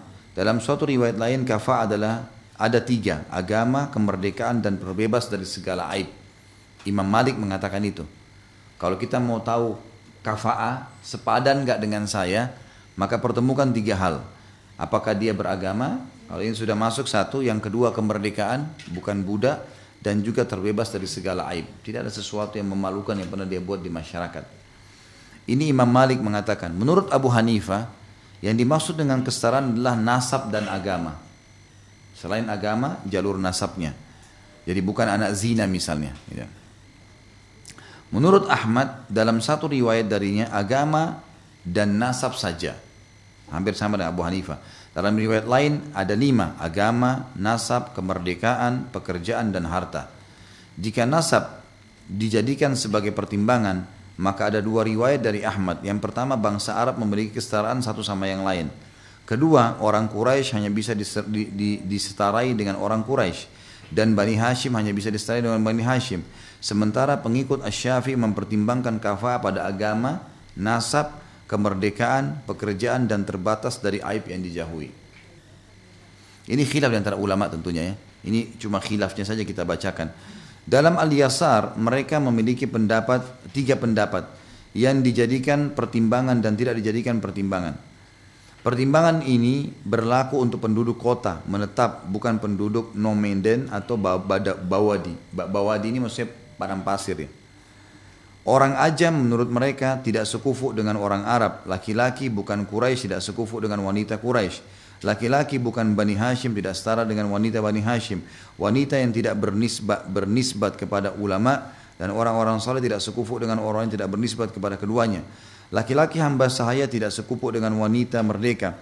Laki-laki yang dimerdekakan tidak sekupu dengan wanita yang merdeka sejak asal. Dan laki-laki yang salah satu leluhurnya pernah merasakan perbudakan tidak sekufu dengan wanita yang tidak pernah merasakan perbudakan dan juga salah eh, salah satu leluhurnya. Ini pendapat dalam Al-Yasar, salah satu pemahaman gitu kan yang beda dari empat madhab tadi yang sudah disebutkan. Tentu ini tidak jadi tolak ukur ya, karena keempat imam kita yang kita jadikan tolak ukur adalah mereka mendahulukan agama dan nasab dan semua disetarakan pada saat itu sebagaimana contoh yang Nabi SAW sudah lakukan. Mengenai pengaruh perbudakan ibu dalam hal kesetaraan ada dua pendapat. Demikian pula laki-laki yang memiliki aib yang bisa mengukuhkan pembatalan nikah tidak sekufu dengan wanita yang terbatas darinya. Jika tidak mengukuhkan pembatalan nikah tapi tidak disukai, seperti buta, tubuhnya buntung atau fisiknya jelek, maka ada dua pendapat. Ar-Ruyani memiliki bahwa memilih bahwa orang tersebut tidak sekufu jadi kalau misalnya ada orang melamar, tangannya buntung atau ada fisik, matanya rusak, melamar seseorang, gitu kan? Wanita misalnya laki-laki dilamar, laki-laki melamar wanita tapi laki-laki punya kekurangan ini. Perempuannya tidak cacat secara fisik. Maka menurut pendapat pertama, Ruyani mengatakan ini tidak sekufu. Mestinya jangan. Supaya jangan nanti dia hina pasangannya. Gitu. Kan. Demikian pula tukang bekam, tukang pijet, dan penjaga tidak setara dengan putri pedagang, penjahit, dan selainnya. Laki-laki yang suka merusak putri orang lain atau orang fasik tidak setara dengan wanita baik-baik. Demikian pula pelaku bid'ah tidak setara dengan wanita pengikut sunnah. Tapi menurut mayoritas, kafa'ah itu menjadi hak wanita dan walihnya. Jadi tentu yang dilihat sekarang ya, bukan yang lalu. Kalau misalnya kita mau menikah dengan seseorang dan kita lihat sekarang orangnya baik, maka tidak jadi tolok ukur yang lalu, sekarang ke depan. Misal orang ini pernah dulu berdusta, orang ini pernah dulu mabuk, orang ini pernah berzina, tapi dulu sekarang dia sudah jadi baik, maka tolok ukurnya yang sekarang. Dan itu yang menilai adalah si wanita dengan walinya, si wanita dengan walinya. Jadi dia bisa menilai orang ini. Tapi tidak bisa kita lihat masa lalu seseorang yang sekarang dia sudah berubah dan kita jadikan tolok ukur. Kalau itu jadi tolok ukur maka Umar bin Khattab tidak layak menikah setelah Islam. Karena dulu dia pemabuk. Dulu dia suka mukul orang Islam. Dulu dia hidup foya-foya sama dengan orang-orang Quraisy dengan wanitanya dan seterusnya. Tapi radhiyallahu anhu setelah masuk Islam berbeda. Dia yang menjadi penyebab turunnya ayat hijab. Dia yang menjadi penyebab turunnya pengharaman ayat-ayat pengharaman khamr, gitu kan? Jadi yang dilihat adalah sekarang ke depan. Ya. Itu yang dimaksud dengan pendapat ini. Kemudian mereka berselisih. Menurut pengikut Syafi'i, ini bagi orang yang memiliki hak perwalihan pada saat itu. Menurut ah, maksudnya orang yang menilai orang ini kafa'a atau tidak. Layak atau tidak menikah gitu Maka berselisih Imam Syafi'i mengatakan orang yang memiliki hak perwalihan pada saat itu dia yang berhak menentukan cocok atau tidak, kafa atau tidak si ayah perempuan. Menurut Ahmad ini hak semua wali, baik wali yang jauh maupun yang dekat. Barang siapa di antara mereka ada yang tidak ridho, maka ia berhak membatalkan. Imam Ahmad mengatakan itu. Jadi misalnya si ayah sudah meninggal. Kalau dalam madhab syafi'iyah, berarti yang menentukan kafa'ah setelah itu adalah si anak perempuan saja. Cocok setara sama dia atau tidak gitu kan. Kalau ayah masih hidup berarti ayahnya menentukan. Karena ayah lebih tahu oh ini, ini nak, begini nak, ini nak, ini dan seterusnya. Tapi kalau dalam mati Imam Ahmad tidak, siapa saja yang jadi wali. Walaupun ayahnya sudah mati, misalnya pamannya jadi wali, pamannya punya hak untuk itu. Saudaranya punya hak untuk itu, siapa saja jadi walinya hak untuk itu. Ahmad mengatakan dalam riwayat yang ketiga, ini adalah hak Allah. Kerelaan mereka tidak sah membatalkan haknya. Maksudnya, kalau memang Allah sudah kasih nilai agama, kalian lihat secara lahir, kata pendapat Imam Ahmad dalam pendapat beliau yang lainnya. Pendapat yang tadi adalah penilaian wali dan siapa saja menjadi wali. Kalau ini pendapat yang lain dan ini tidak dipilih oleh Imam Ahmad sebenarnya, cuma diangkat oleh penulis. Dia mengatakan kesetaraan itu dinilai oleh Allah. Kalau Allah bilang agamanya sudah agamanya saja, gitu kan. Tapi berdasarkan riwayat ini, kemerdekaan, kelapangan, pekerjaan atau nasab tidak menjadi pertimbangan. Ini hanya mempertimbangkan agama saja, sebab Ahmad tidak pernah mengatakan Demikian juga tidak ada uh, pendapat seorang ulama yang mengatakan bahwa pernikahan laki-laki fakir dengan wanita berkecukupan itu batal jika wanita itu rela. Dalam arti kata, agama tetap didahulukan kalau bertemu dua orang yang beragama dan satu ini kaya, satu miskin boleh dilakukan yang kaya. Dan kalau seandainya pun si perempuan itu memilih yang miskin, misalnya laki-laki soleh kaya, laki-laki soleh miskin. Si perempuan ternyata lebih memilih yang miskin. Sementara dia kaya, si perempuan ini kaya, tetap sah pernikahannya, tidak ada pembatalan di sini. Karena kesetaraan itu tolok ukurnya adalah si perempuan itu rela atau tidak. Ya. Jadi agama yang didahulukan. Kalau bertemu agama dengan orang agama dan orang fasik, pilih yang beragama. Ketemu antara orang beragama dengan orang agama, kaya dan miskin si perempuan yang bisa menentukan. Dia pilih yang kaya hak dia, dia pilih yang miskin hak dia, tidak membatalkan pernikahan. Tidak pula ia dan selainnya mengatakan bahwa nikahnya wanita Bani Hashim dengan laki-laki selain Bani Hashim atau wanita Quraisy dengan laki-laki bukan Quraisy adalah batal. Jadi sekarang ada pemahaman begitu ya. Ada ada pemahaman sebagian orang yang mengatakan kalau seandainya nikah sama wanita Quraisy, wanita ini nikah sama laki-laki lain selain Quraisy berarti dianggap nikahnya ini tidak sah. Bahkan kadang-kadang keluarganya ceraikan secara paksa. Ini semua tidak benar ya. Kami mengingatkan hal ini kata penulis karena banyak di antara sahabat kita, pengikut Imam Ahmad, yang menuturkan perbedaan pendapat mengenai kafa'ah. Apakah itu hak Allah atau hak manusia. Mereka melepaskan begitu saja bersama ucapan mereka bahwa kafa'ah itu adalah hal-hal tersebut yang tadi disebutkan. Dalam hal ini ada sikap meremehkan dan tidak meneliti mengenai permasalahan ini. Nah, maksudnya ada tadi ada pendapat Imam Ahmad yang mengatakan itu adalah haknya Allah mutlak gitu kan Ya sudah pokoknya kita agama ya sudah agama. Tidak usah lagi dihubungkan misal ada si A melamar agama, ada si B yang melanggar agama. Siapa yang melamar duluan yang sudah diterima. Mau nanti kita lebih suka dengan si yang kedua, yaitu pokoknya tidak boleh. Ini dalam pendapat tadi. Penulis cuma membantah pendapat ini secara khusus. Mengatakan Ada pendapat yang Imam Ahmad yang menyebutkan kalau seandainya telah datang yang pertama beragama dan yang kedua beragama, walaupun cenderung si anak gadis sama yang kedua, yang pertama tetap harus diterima. Kan gitu. Mau miskin, mau kaya tidak ada masalah. Penulis mengatakan tidak seperti itu. Harus kalau bertemu antara mukmin sama mukmin, ya maka dilihat di sini si perempuan punya hak memilih. Dia boleh mendahulukan yang kaya dan beragama daripada miskin beragama atau dia bisa milih yang miskin beragama. Itu kurang lebih kesimpulannya. Jadi bebas kembali kepada si wanita tadi. Kemudian kita tutup dengan ini. Jika seorang laki-laki hendak meminang wanita, maka ia boleh mengutus ibunya atau salah seorang keluarganya, saudara perempuannya misalnya, untuk melihat dari gadis itu apa yang mendorongnya untuk meminangnya, berupa akhlak yang mulia, rumah yang baik, dan muamalah yang bagus. Pepatah bahasa Arab mengatakan tidak ada kebaikan dalam kecantikan dan pengetahuan wanita jika yang disukai darinya bukan kesolehannya.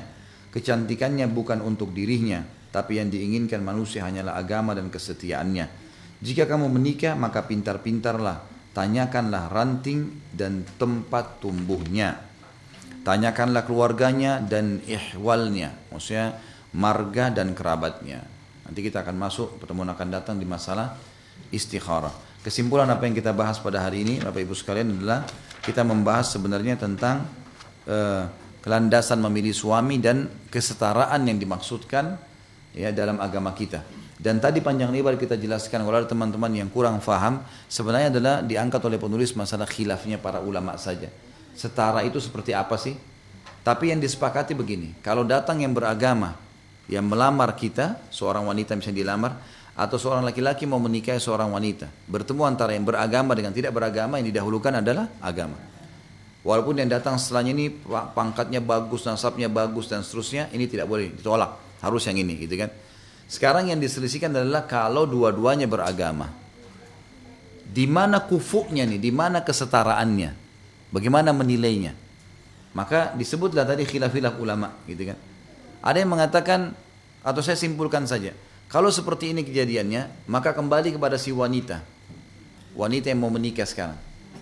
Dia boleh milih yang kaya dan soleh, dan dia boleh milih yang miskin dan soleh. Yang penting sama-sama sudah punya agama. Sama laki-laki. Tadi kan sebenarnya dianjurkan uh, sependidikan, ya, sekeluarga, sesuku, itu dianjurkan, bukan keharusan. Karena si wanita tetap di sini tidak batal nikahnya kalau dia pilih salah satunya. Misal dia lebih cenderung sama yang soleh tapi miskin, ya udah haknya dia. Atau ada orang Indonesia yang lamar dengan ada orang Amerika yang lamar, dua-duanya Muslim, dua-duanya baik, gitu kan? Lalu si perempuan cenderung sama yang orang Amerika, bukan salah. Nggak boleh kita hardik, oh kamu mesti nikah sama orang Indonesia itu lebih kufu, enggak. Kufu di sini adalah kesetaraan kembali kepada si perempuan nilai. Yang penting agamanya sudah ada. Nah itu yang tadi yang khilaf di antara Imam Ahmad Imam Abu Syafi'i disebutkan kesimpulannya seperti itu. Kesimpulannya seperti itu. Tapi eh, apa namanya? Ada tadi pendapat yang dilemahkan. Salah satu pendapat Imam Ahmad menulis penulis menurut penulis adalah kalau telah datang seseorang yang melamar lebih dulu, kalau beragama, lalu datang setelahnya juga orang beragama, tetap yang yang didahulukan yang pertama. Nah ini dibantah oleh penulis. Dia katakan ini semestinya tidak seperti ini. Karena tetap bagi wanita haknya untuk memilih. Asal memang belum terjadi lamaran di sini ya. Karena lamaran itu gini, sudah datang si laki-laki ketemu sama walinya perempuan, sudah bicara, tentukan tanggal, hari ini namanya khidbah. Khidbah ini ada hadis Nabi berbunyi. Janganlah kalian berkhidbah di atas khidbah saudaranya. Tidak boleh kan gitu, dilarang. Nah, ini lain hukumnya. Allahu alam. Kurang lebih seperti itu bahasannya.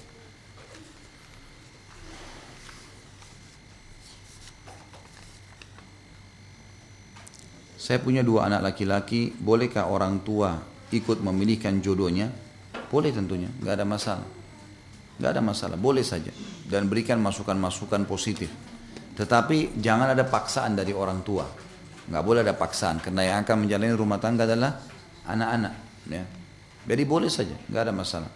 Dan tetap kalau orang tua yang memilihkan atau anak yang memilihkan, dahulukan masalah agama.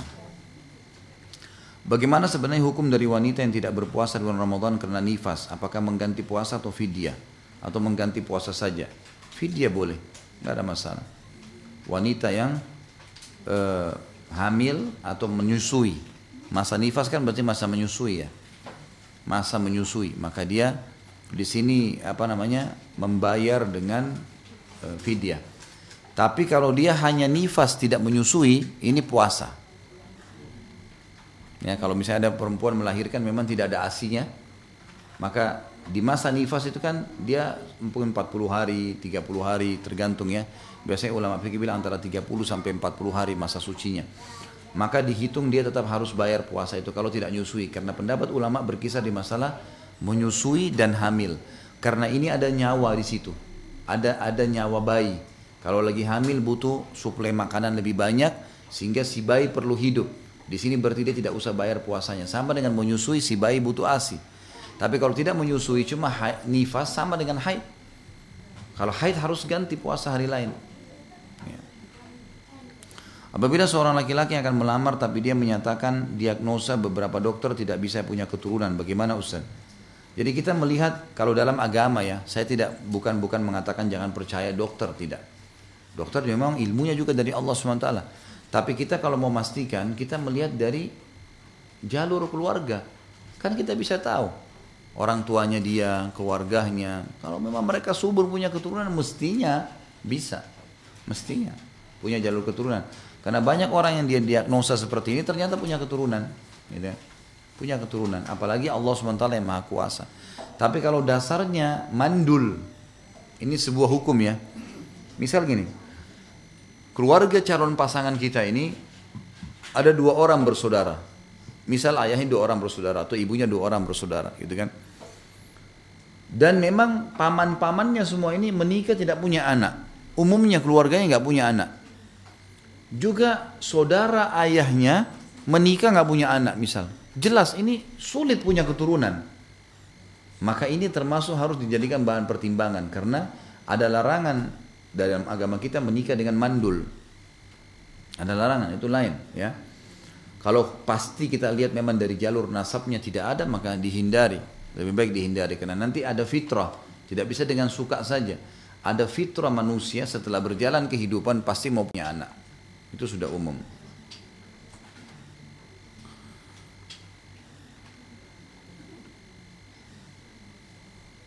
Bagaimana hukumnya secara syariat inmen, inseminasi buatan untuk tujuan memilih jenis kelamin laki anak? Saya belum tahu nih seperti apa nih. Saya tidak mengerti bagaimana. Tapi ada hadis Nabi, ada hadis Nabi SAW yang memberikan kita cara untuk mendapatkan anak laki-laki atau anak perempuan. Hadisnya hadis sahih, gitu kan? Kalau tidak salah di buku kita nanti ada bahasannya sebenarnya. Kata Nabi SAW, kalau sperma laki-laki mendahului sel telur perempuan, dalam arti kata klimaksnya, si laki-laki lebih dulu dari perempuan, gitu kan? Sperma sudah masuk di rahim, barulah cairan klimaksnya wanita keluar, maka berarti anaknya perempuan. Kalau sebaliknya si perempuan yang lebih dulu klimaks dari laki-laki, anaknya laki-laki. Ya. Dan ini ini sudah sudah umum, ini sudah umum dan itu yang sudah dibahas oleh para ulama dan memang or, jadi makanya pada saat orang mau mengatur keturunan misalnya dia mau anak laki-laki dan memang kita kan kalau mau tentukan bulannya, tanggalnya kan sebenarnya bisa. Misal masa suburnya tanggal berapa, memang niatnya di bulan Maret nanti saya mau hamil misalnya. Dari bulan Desember sudah dirancang memang pada bulan itu saya suburnya pada tanggal sekian. Nah pada saat itu memang didukung dengan makanan-makanan sehat. Yang umumnya sih kalau masa kesuburan itu adalah madu e, sama kurma, gitu kan? Ini yang selalu e, tersebutkan di dalam hadis banyak masalah kurma sama madu. Ini dikonsumsi, ya, termasuk misalnya perempuan yang sulit melahirkan biasanya kalau dikonsumsikan prutop kurma yang lembut itu biasanya pembukaannya sangat cepat. Ya, kan? uh, ini memang didukung dengan ini. Nah, nanti di hari di hari H, hari klimaks, memang kalau mau anak laki-laki disengaja memang si perempuan klimaks duluan. Memang sudah diatur pada saat itu mereka sudah bicara sebelumnya. Ini akan seperti ini. Jadi si laki-laki bisa mengontrol dirinya untuk tidak klimaks duluan. Ya, itu. Memang sudah begitu, harus di, dia bantu istrinya segala sampai titik dekat klimaks, kemudian mereka berhubungan badan, istrinya lebih dulu, baru suaminya. Ada riwayat lain yang menjelaskan, kalau selesai berhubungan itu balik ke sisi kanan. Kalau mau hamil tapi ini ya. Kalau mau hamil setelah berhubungan balik ke sisi kanan. Si perempuannya seperti orang kalau mau tidur sisi kanan. Ya. Loh, itu, itu, tapi itu hadisnya begitu. Dalam arti kata memang itu menyebabkan kehamilan di masa subur lebih mempermudah. Allahu alam apa maksudnya secara ilmiah apakah ada penelitian? Saya bicara teori syar'inya. Nah ini yang ada dalam agama kita. Dan ada salah satu keluarga saya, paman saya praktekin, memang dia praktekin, dia, dia ingin punya anak selang-seling, laki-laki, perempuan, laki. itu dan berhasil punya anak enam anak, perempuan, laki-laki, perempuan, laki-laki. Dia jalankan hadis Nabi. Jadi memang dia coba, ternyata berhasil, memang betul. Jadi pada saat laki-laki, laki-laki, perempuan ya perempuan. Ustaz saya pernah membaca adab-adab dalam sebuah pernikahan salah satu poinnya diharamkan cincin emas dan yang sepertinya bagi kaum wanita termasuk gelang dan kalung emas mengacu ke hadis dari Aisyah yang diriwayatkan dari Al-Qasim bin As-Saraguti mohon penjelasannya Ustaz karena yang saya tahu wanita boleh memakai emas ini yang setahu saya juga sama hadis-hadis Nabi SAW yang lain yang sahih menjelaskan wanita menggunakan emas jadi Kebanyakan riwayat yang menceritakan tentang emas itu tidak dipakai oleh wanita, bukan tidak dipakai ya. Seperti kasus pernah ada wanita menggunakan emas di tangannya. Lalu Nabi SAW tanya gitu kan. Sebenarnya pertanyaan Nabi ini apa kau sudah zakatkan emasmu itu? Dia mengatakan belum. Kata Nabi SAW berarti kau menggunakan bagian api neraka di tanganmu. Maka dibukalah sama dia cincinnya. Gitu kan. Ada riwayat-riwayat yang serupa dengan ini karena ada ada ada penyebab, indikasi sebab. Gitu kan? Kalau kita kembali kepada dalil Al-Qur'an misalnya, Al-Quran dalam surah Nisa Allah mengatakan A'udzubillahi minan. Ya. Di sini Allah SWT mengatakan dihiasi bagi eh, eh, laki-laki menyukai perempuan, perempuan suka perempuan, perempuan suka laki-laki dan juga ada ada ada suka dengan perhiasan, gitu kan? Minat zahabi wal fiddah dari emas dan perak Allah sebutkan. Memang itu disukai. Allah jadikan itu sebagai perhiasan dan ada hadis yang lain Nabi SAW mengangkat eh, emas dan sutra, emas tangan kanan sutra tangan kiri lalu berkata, dua benda ini haram bagi laki-laki umatku. Kata para ulama berarti halal bagi perempuan. Riwayat Bukhari yang lain juga menjelaskan Nabi SAW pernah memotivasi para sahabat untuk menyumbang jihad sampai mereka mencabut gelang-gelang dan kalung mereka yang dikumpulkan menjadi sumbangan. Tapi di sini hadis menjelaskan waktu dimotivasi menyumbang mereka menyumbang. Kan itu. Dan terlalu banyak dalil berhubungan dengan masalah ini. Allah alam yang saya simpulkan adalah dalam buku fikih selama ini saya pelajari tidak diharamkan perhiasan emas bagi perempuan. Itu halal bagi laki-laki hukumnya haram. Dan larangan-larangan Nabi SAW yang ada itu umumnya karena ada indikasi penyebab tentang masalah tidak menjalankan zakat atau ada motivasi untuk menyumbang gitu kan. Seperti itulah.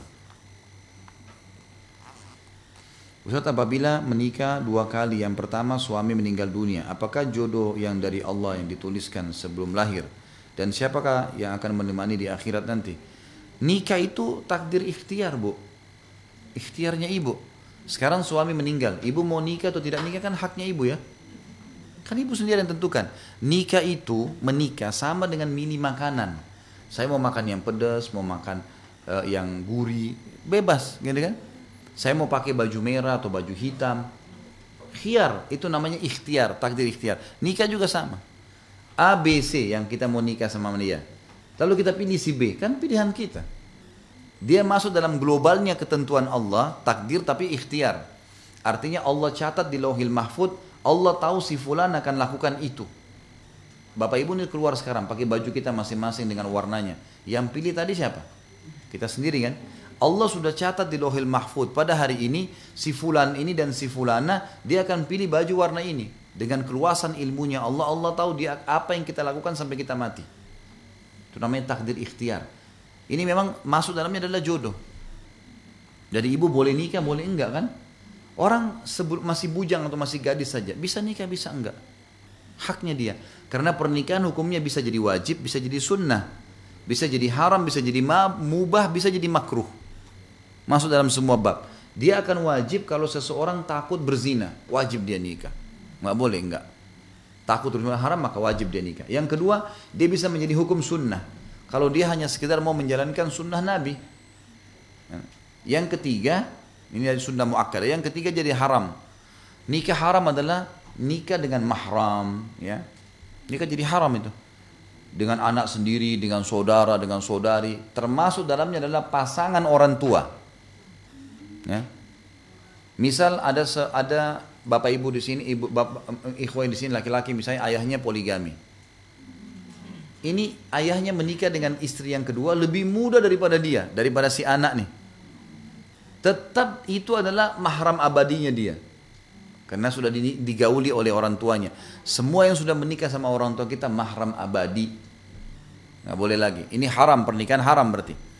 Termasuk pernikahan haram adalah nikah setelah tolak bayin nikah setelah cerai yang ketiga. Laki-laki mengatakan saya ceraikan kamu, saya ceraikan kamu. Sampai tiga kali, kalau dua kali masih tolak raji namanya, boleh kembali.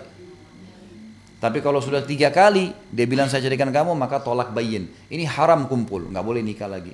Kecuali si perempuan sudah nikah sama laki-laki lain, nikahnya normal, cerai lagi, cerainya pun normal bukan direkayasa, baru terbuka variabel kembali kepada suami pertama.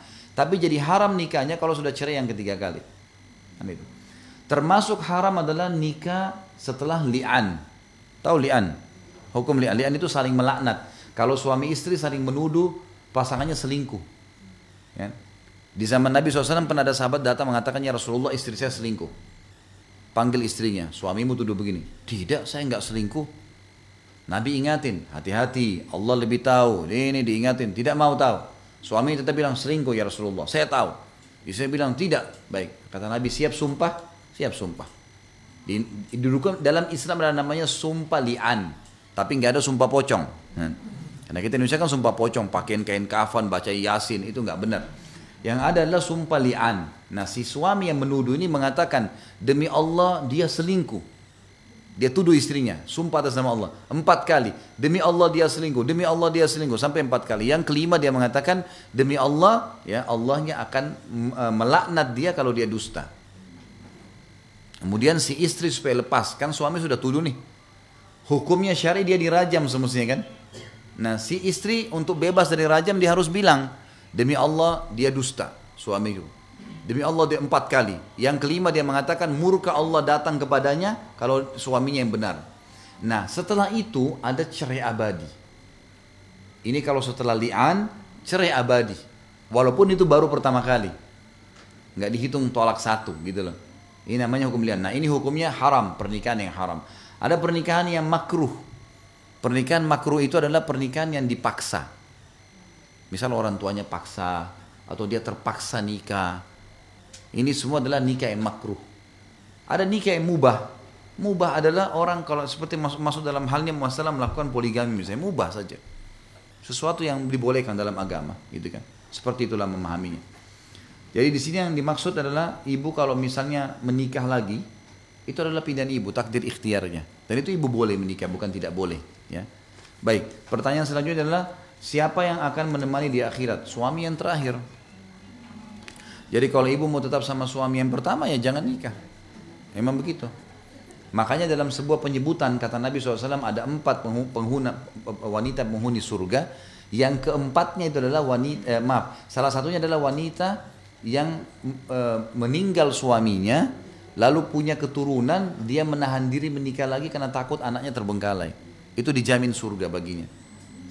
Tapi dia bukan tidak boleh, dia boleh menikah. Cuman ulama mengatakan jadi makruh hukumnya kalau anaknya masih kecil, masih masa menyusui misalnya. Kan tidak mungkin dia mau layani suami, berikut juga anaknya mau disusuin. Apalagi ini laki-laki ini bukan anaknya, dia mungkin tidak bisa sabar. Sedangkan suami, ayahnya saja kadang-kadang masih rewel. Apalagi kalau laki-laki lain kan gitu. Jadi seperti itu Allah alam. Jadi bersama dengan suami yang terakhir. Tapi juga sebagai penutup Bapak Ibu sekalian dari pertanyaan ini, Kalaupun ibu merasa memang harus menikah, jangan jangan merasa bersalah ya. Menikah itu bukan aib dalam Islam. Bahkan saya selalu sarankan, jangan ada janda, jangan ada duda, gitu kan. Harus menikah. Ya. Kecuali memang darurat kayak tadi, ada anak-anak kecil. Karena memang memiliki suami bagi wanita, pintu surga. Kan gitu. Memiliki istri bagi laki-laki, pintu surga. Banyak sekali amal yang bisa dikerjain dan tidak bisa dikerjain selain menikah. Gitu kan. Istri cuma layani suaminya, cuma buatin minum, buatin makan, layani di ranjang, azan sholat, mati masuk surga. Gitu. Karena gitu ringan sekali. Laki-laki banting tulang cari nafkah, dia cari nafkah ikhlas untuk istrinya, anaknya maka sama dengan mujahid di jalan Allah. Pahalanya besar. Lalu kenapa tidak membangun rumah tangga mestinya? Kegagalan masa lalu tidak harus ditarik ke sekarang. Kita ambil pelajaran, oh ternyata yang dulu tidak soleh atau tidak soleh, sekarang saya harus cari yang begini. Nabi SAW adalah suami ketiganya Khadijah. Khadijah menikah dua kali sebelum beliau dan meninggal dua-dua suaminya. Maka Nabi SAW itu bukan aib dalam Islam, bukan aib. Yang aib itu kalau memang dipermainkan ya, ada perempuan begitu semua Allah nikah cerai, nikah cerai. Laki-laki juga begitu. Ini adalah orang yang mempermainkan bukan niatnya ibadah. Maka Allah alam ini tentu dihindari kalau seperti itu. Baik, mudah-mudahan bermanfaat. Mohon maaf tidak semua pertanyaan bisa dijawab. Insya Allah tetap akan kita jawab di pertemuan akan datang. Baik kita berdoa kepada Allah SWT semoga majelis kita diberkahi dan dijadikan sebagai tambahan amal kita hari kiamat. Semoga semua yang sakit disembuhkan penyakitnya, semua yang terlilit utang dilunasi utangnya, semua yang belum mendapat pasangan diberikan pasangan soleh dan soleha, yang belum memiliki keturunan yang baik diberikan keturunan soleh dan soleha, semua yang hadir di sini dan juga seluruh muslimin di mana pun mereka berada yang pernah berbuat dosa dimaafkan oleh Allah Subhanahu Wa dan juga digantikan dosa-dosa kita menjadi pahala. Tidak pernah kita lupa mendoakan saudara kita di Palestina, di Syria, di Yaman, di Irak, di Myanmar, di mana pun mereka berada yang sedang terlindas. Semoga Allah ikhlaskan niat mereka. Allah kaukan telapak kaki mereka. Allah terima para syuhada mereka. Dan juga Allah partisipasikan kita bersama mereka di pahala baik dengan doa, dengan harta juga dengan jiwa kita. Dan semoga Allah dengan kemahamurahannya menyatukan kita semua di surga firdausnya tanpa hisab. Baik, sebelum kafaratul majlis saya akan mengajak lagi ke Bapak Ibu sekalian mengunjungi web resmi di www.khalidbasalama.com dan tolong kalau nonton YouTube diberikan dukungannya di like kemudian di subscribe juga bisa berlangganan dan juga di share berikan tanggapan positif demi untuk perkembangan dakwah kita. Mungkin begitu. Subhanakallahumma bihamdika. Asyhadu an la ilaha illallah astaghfirullah wa atubu wassalamualaikum warahmatullahi wabarakatuh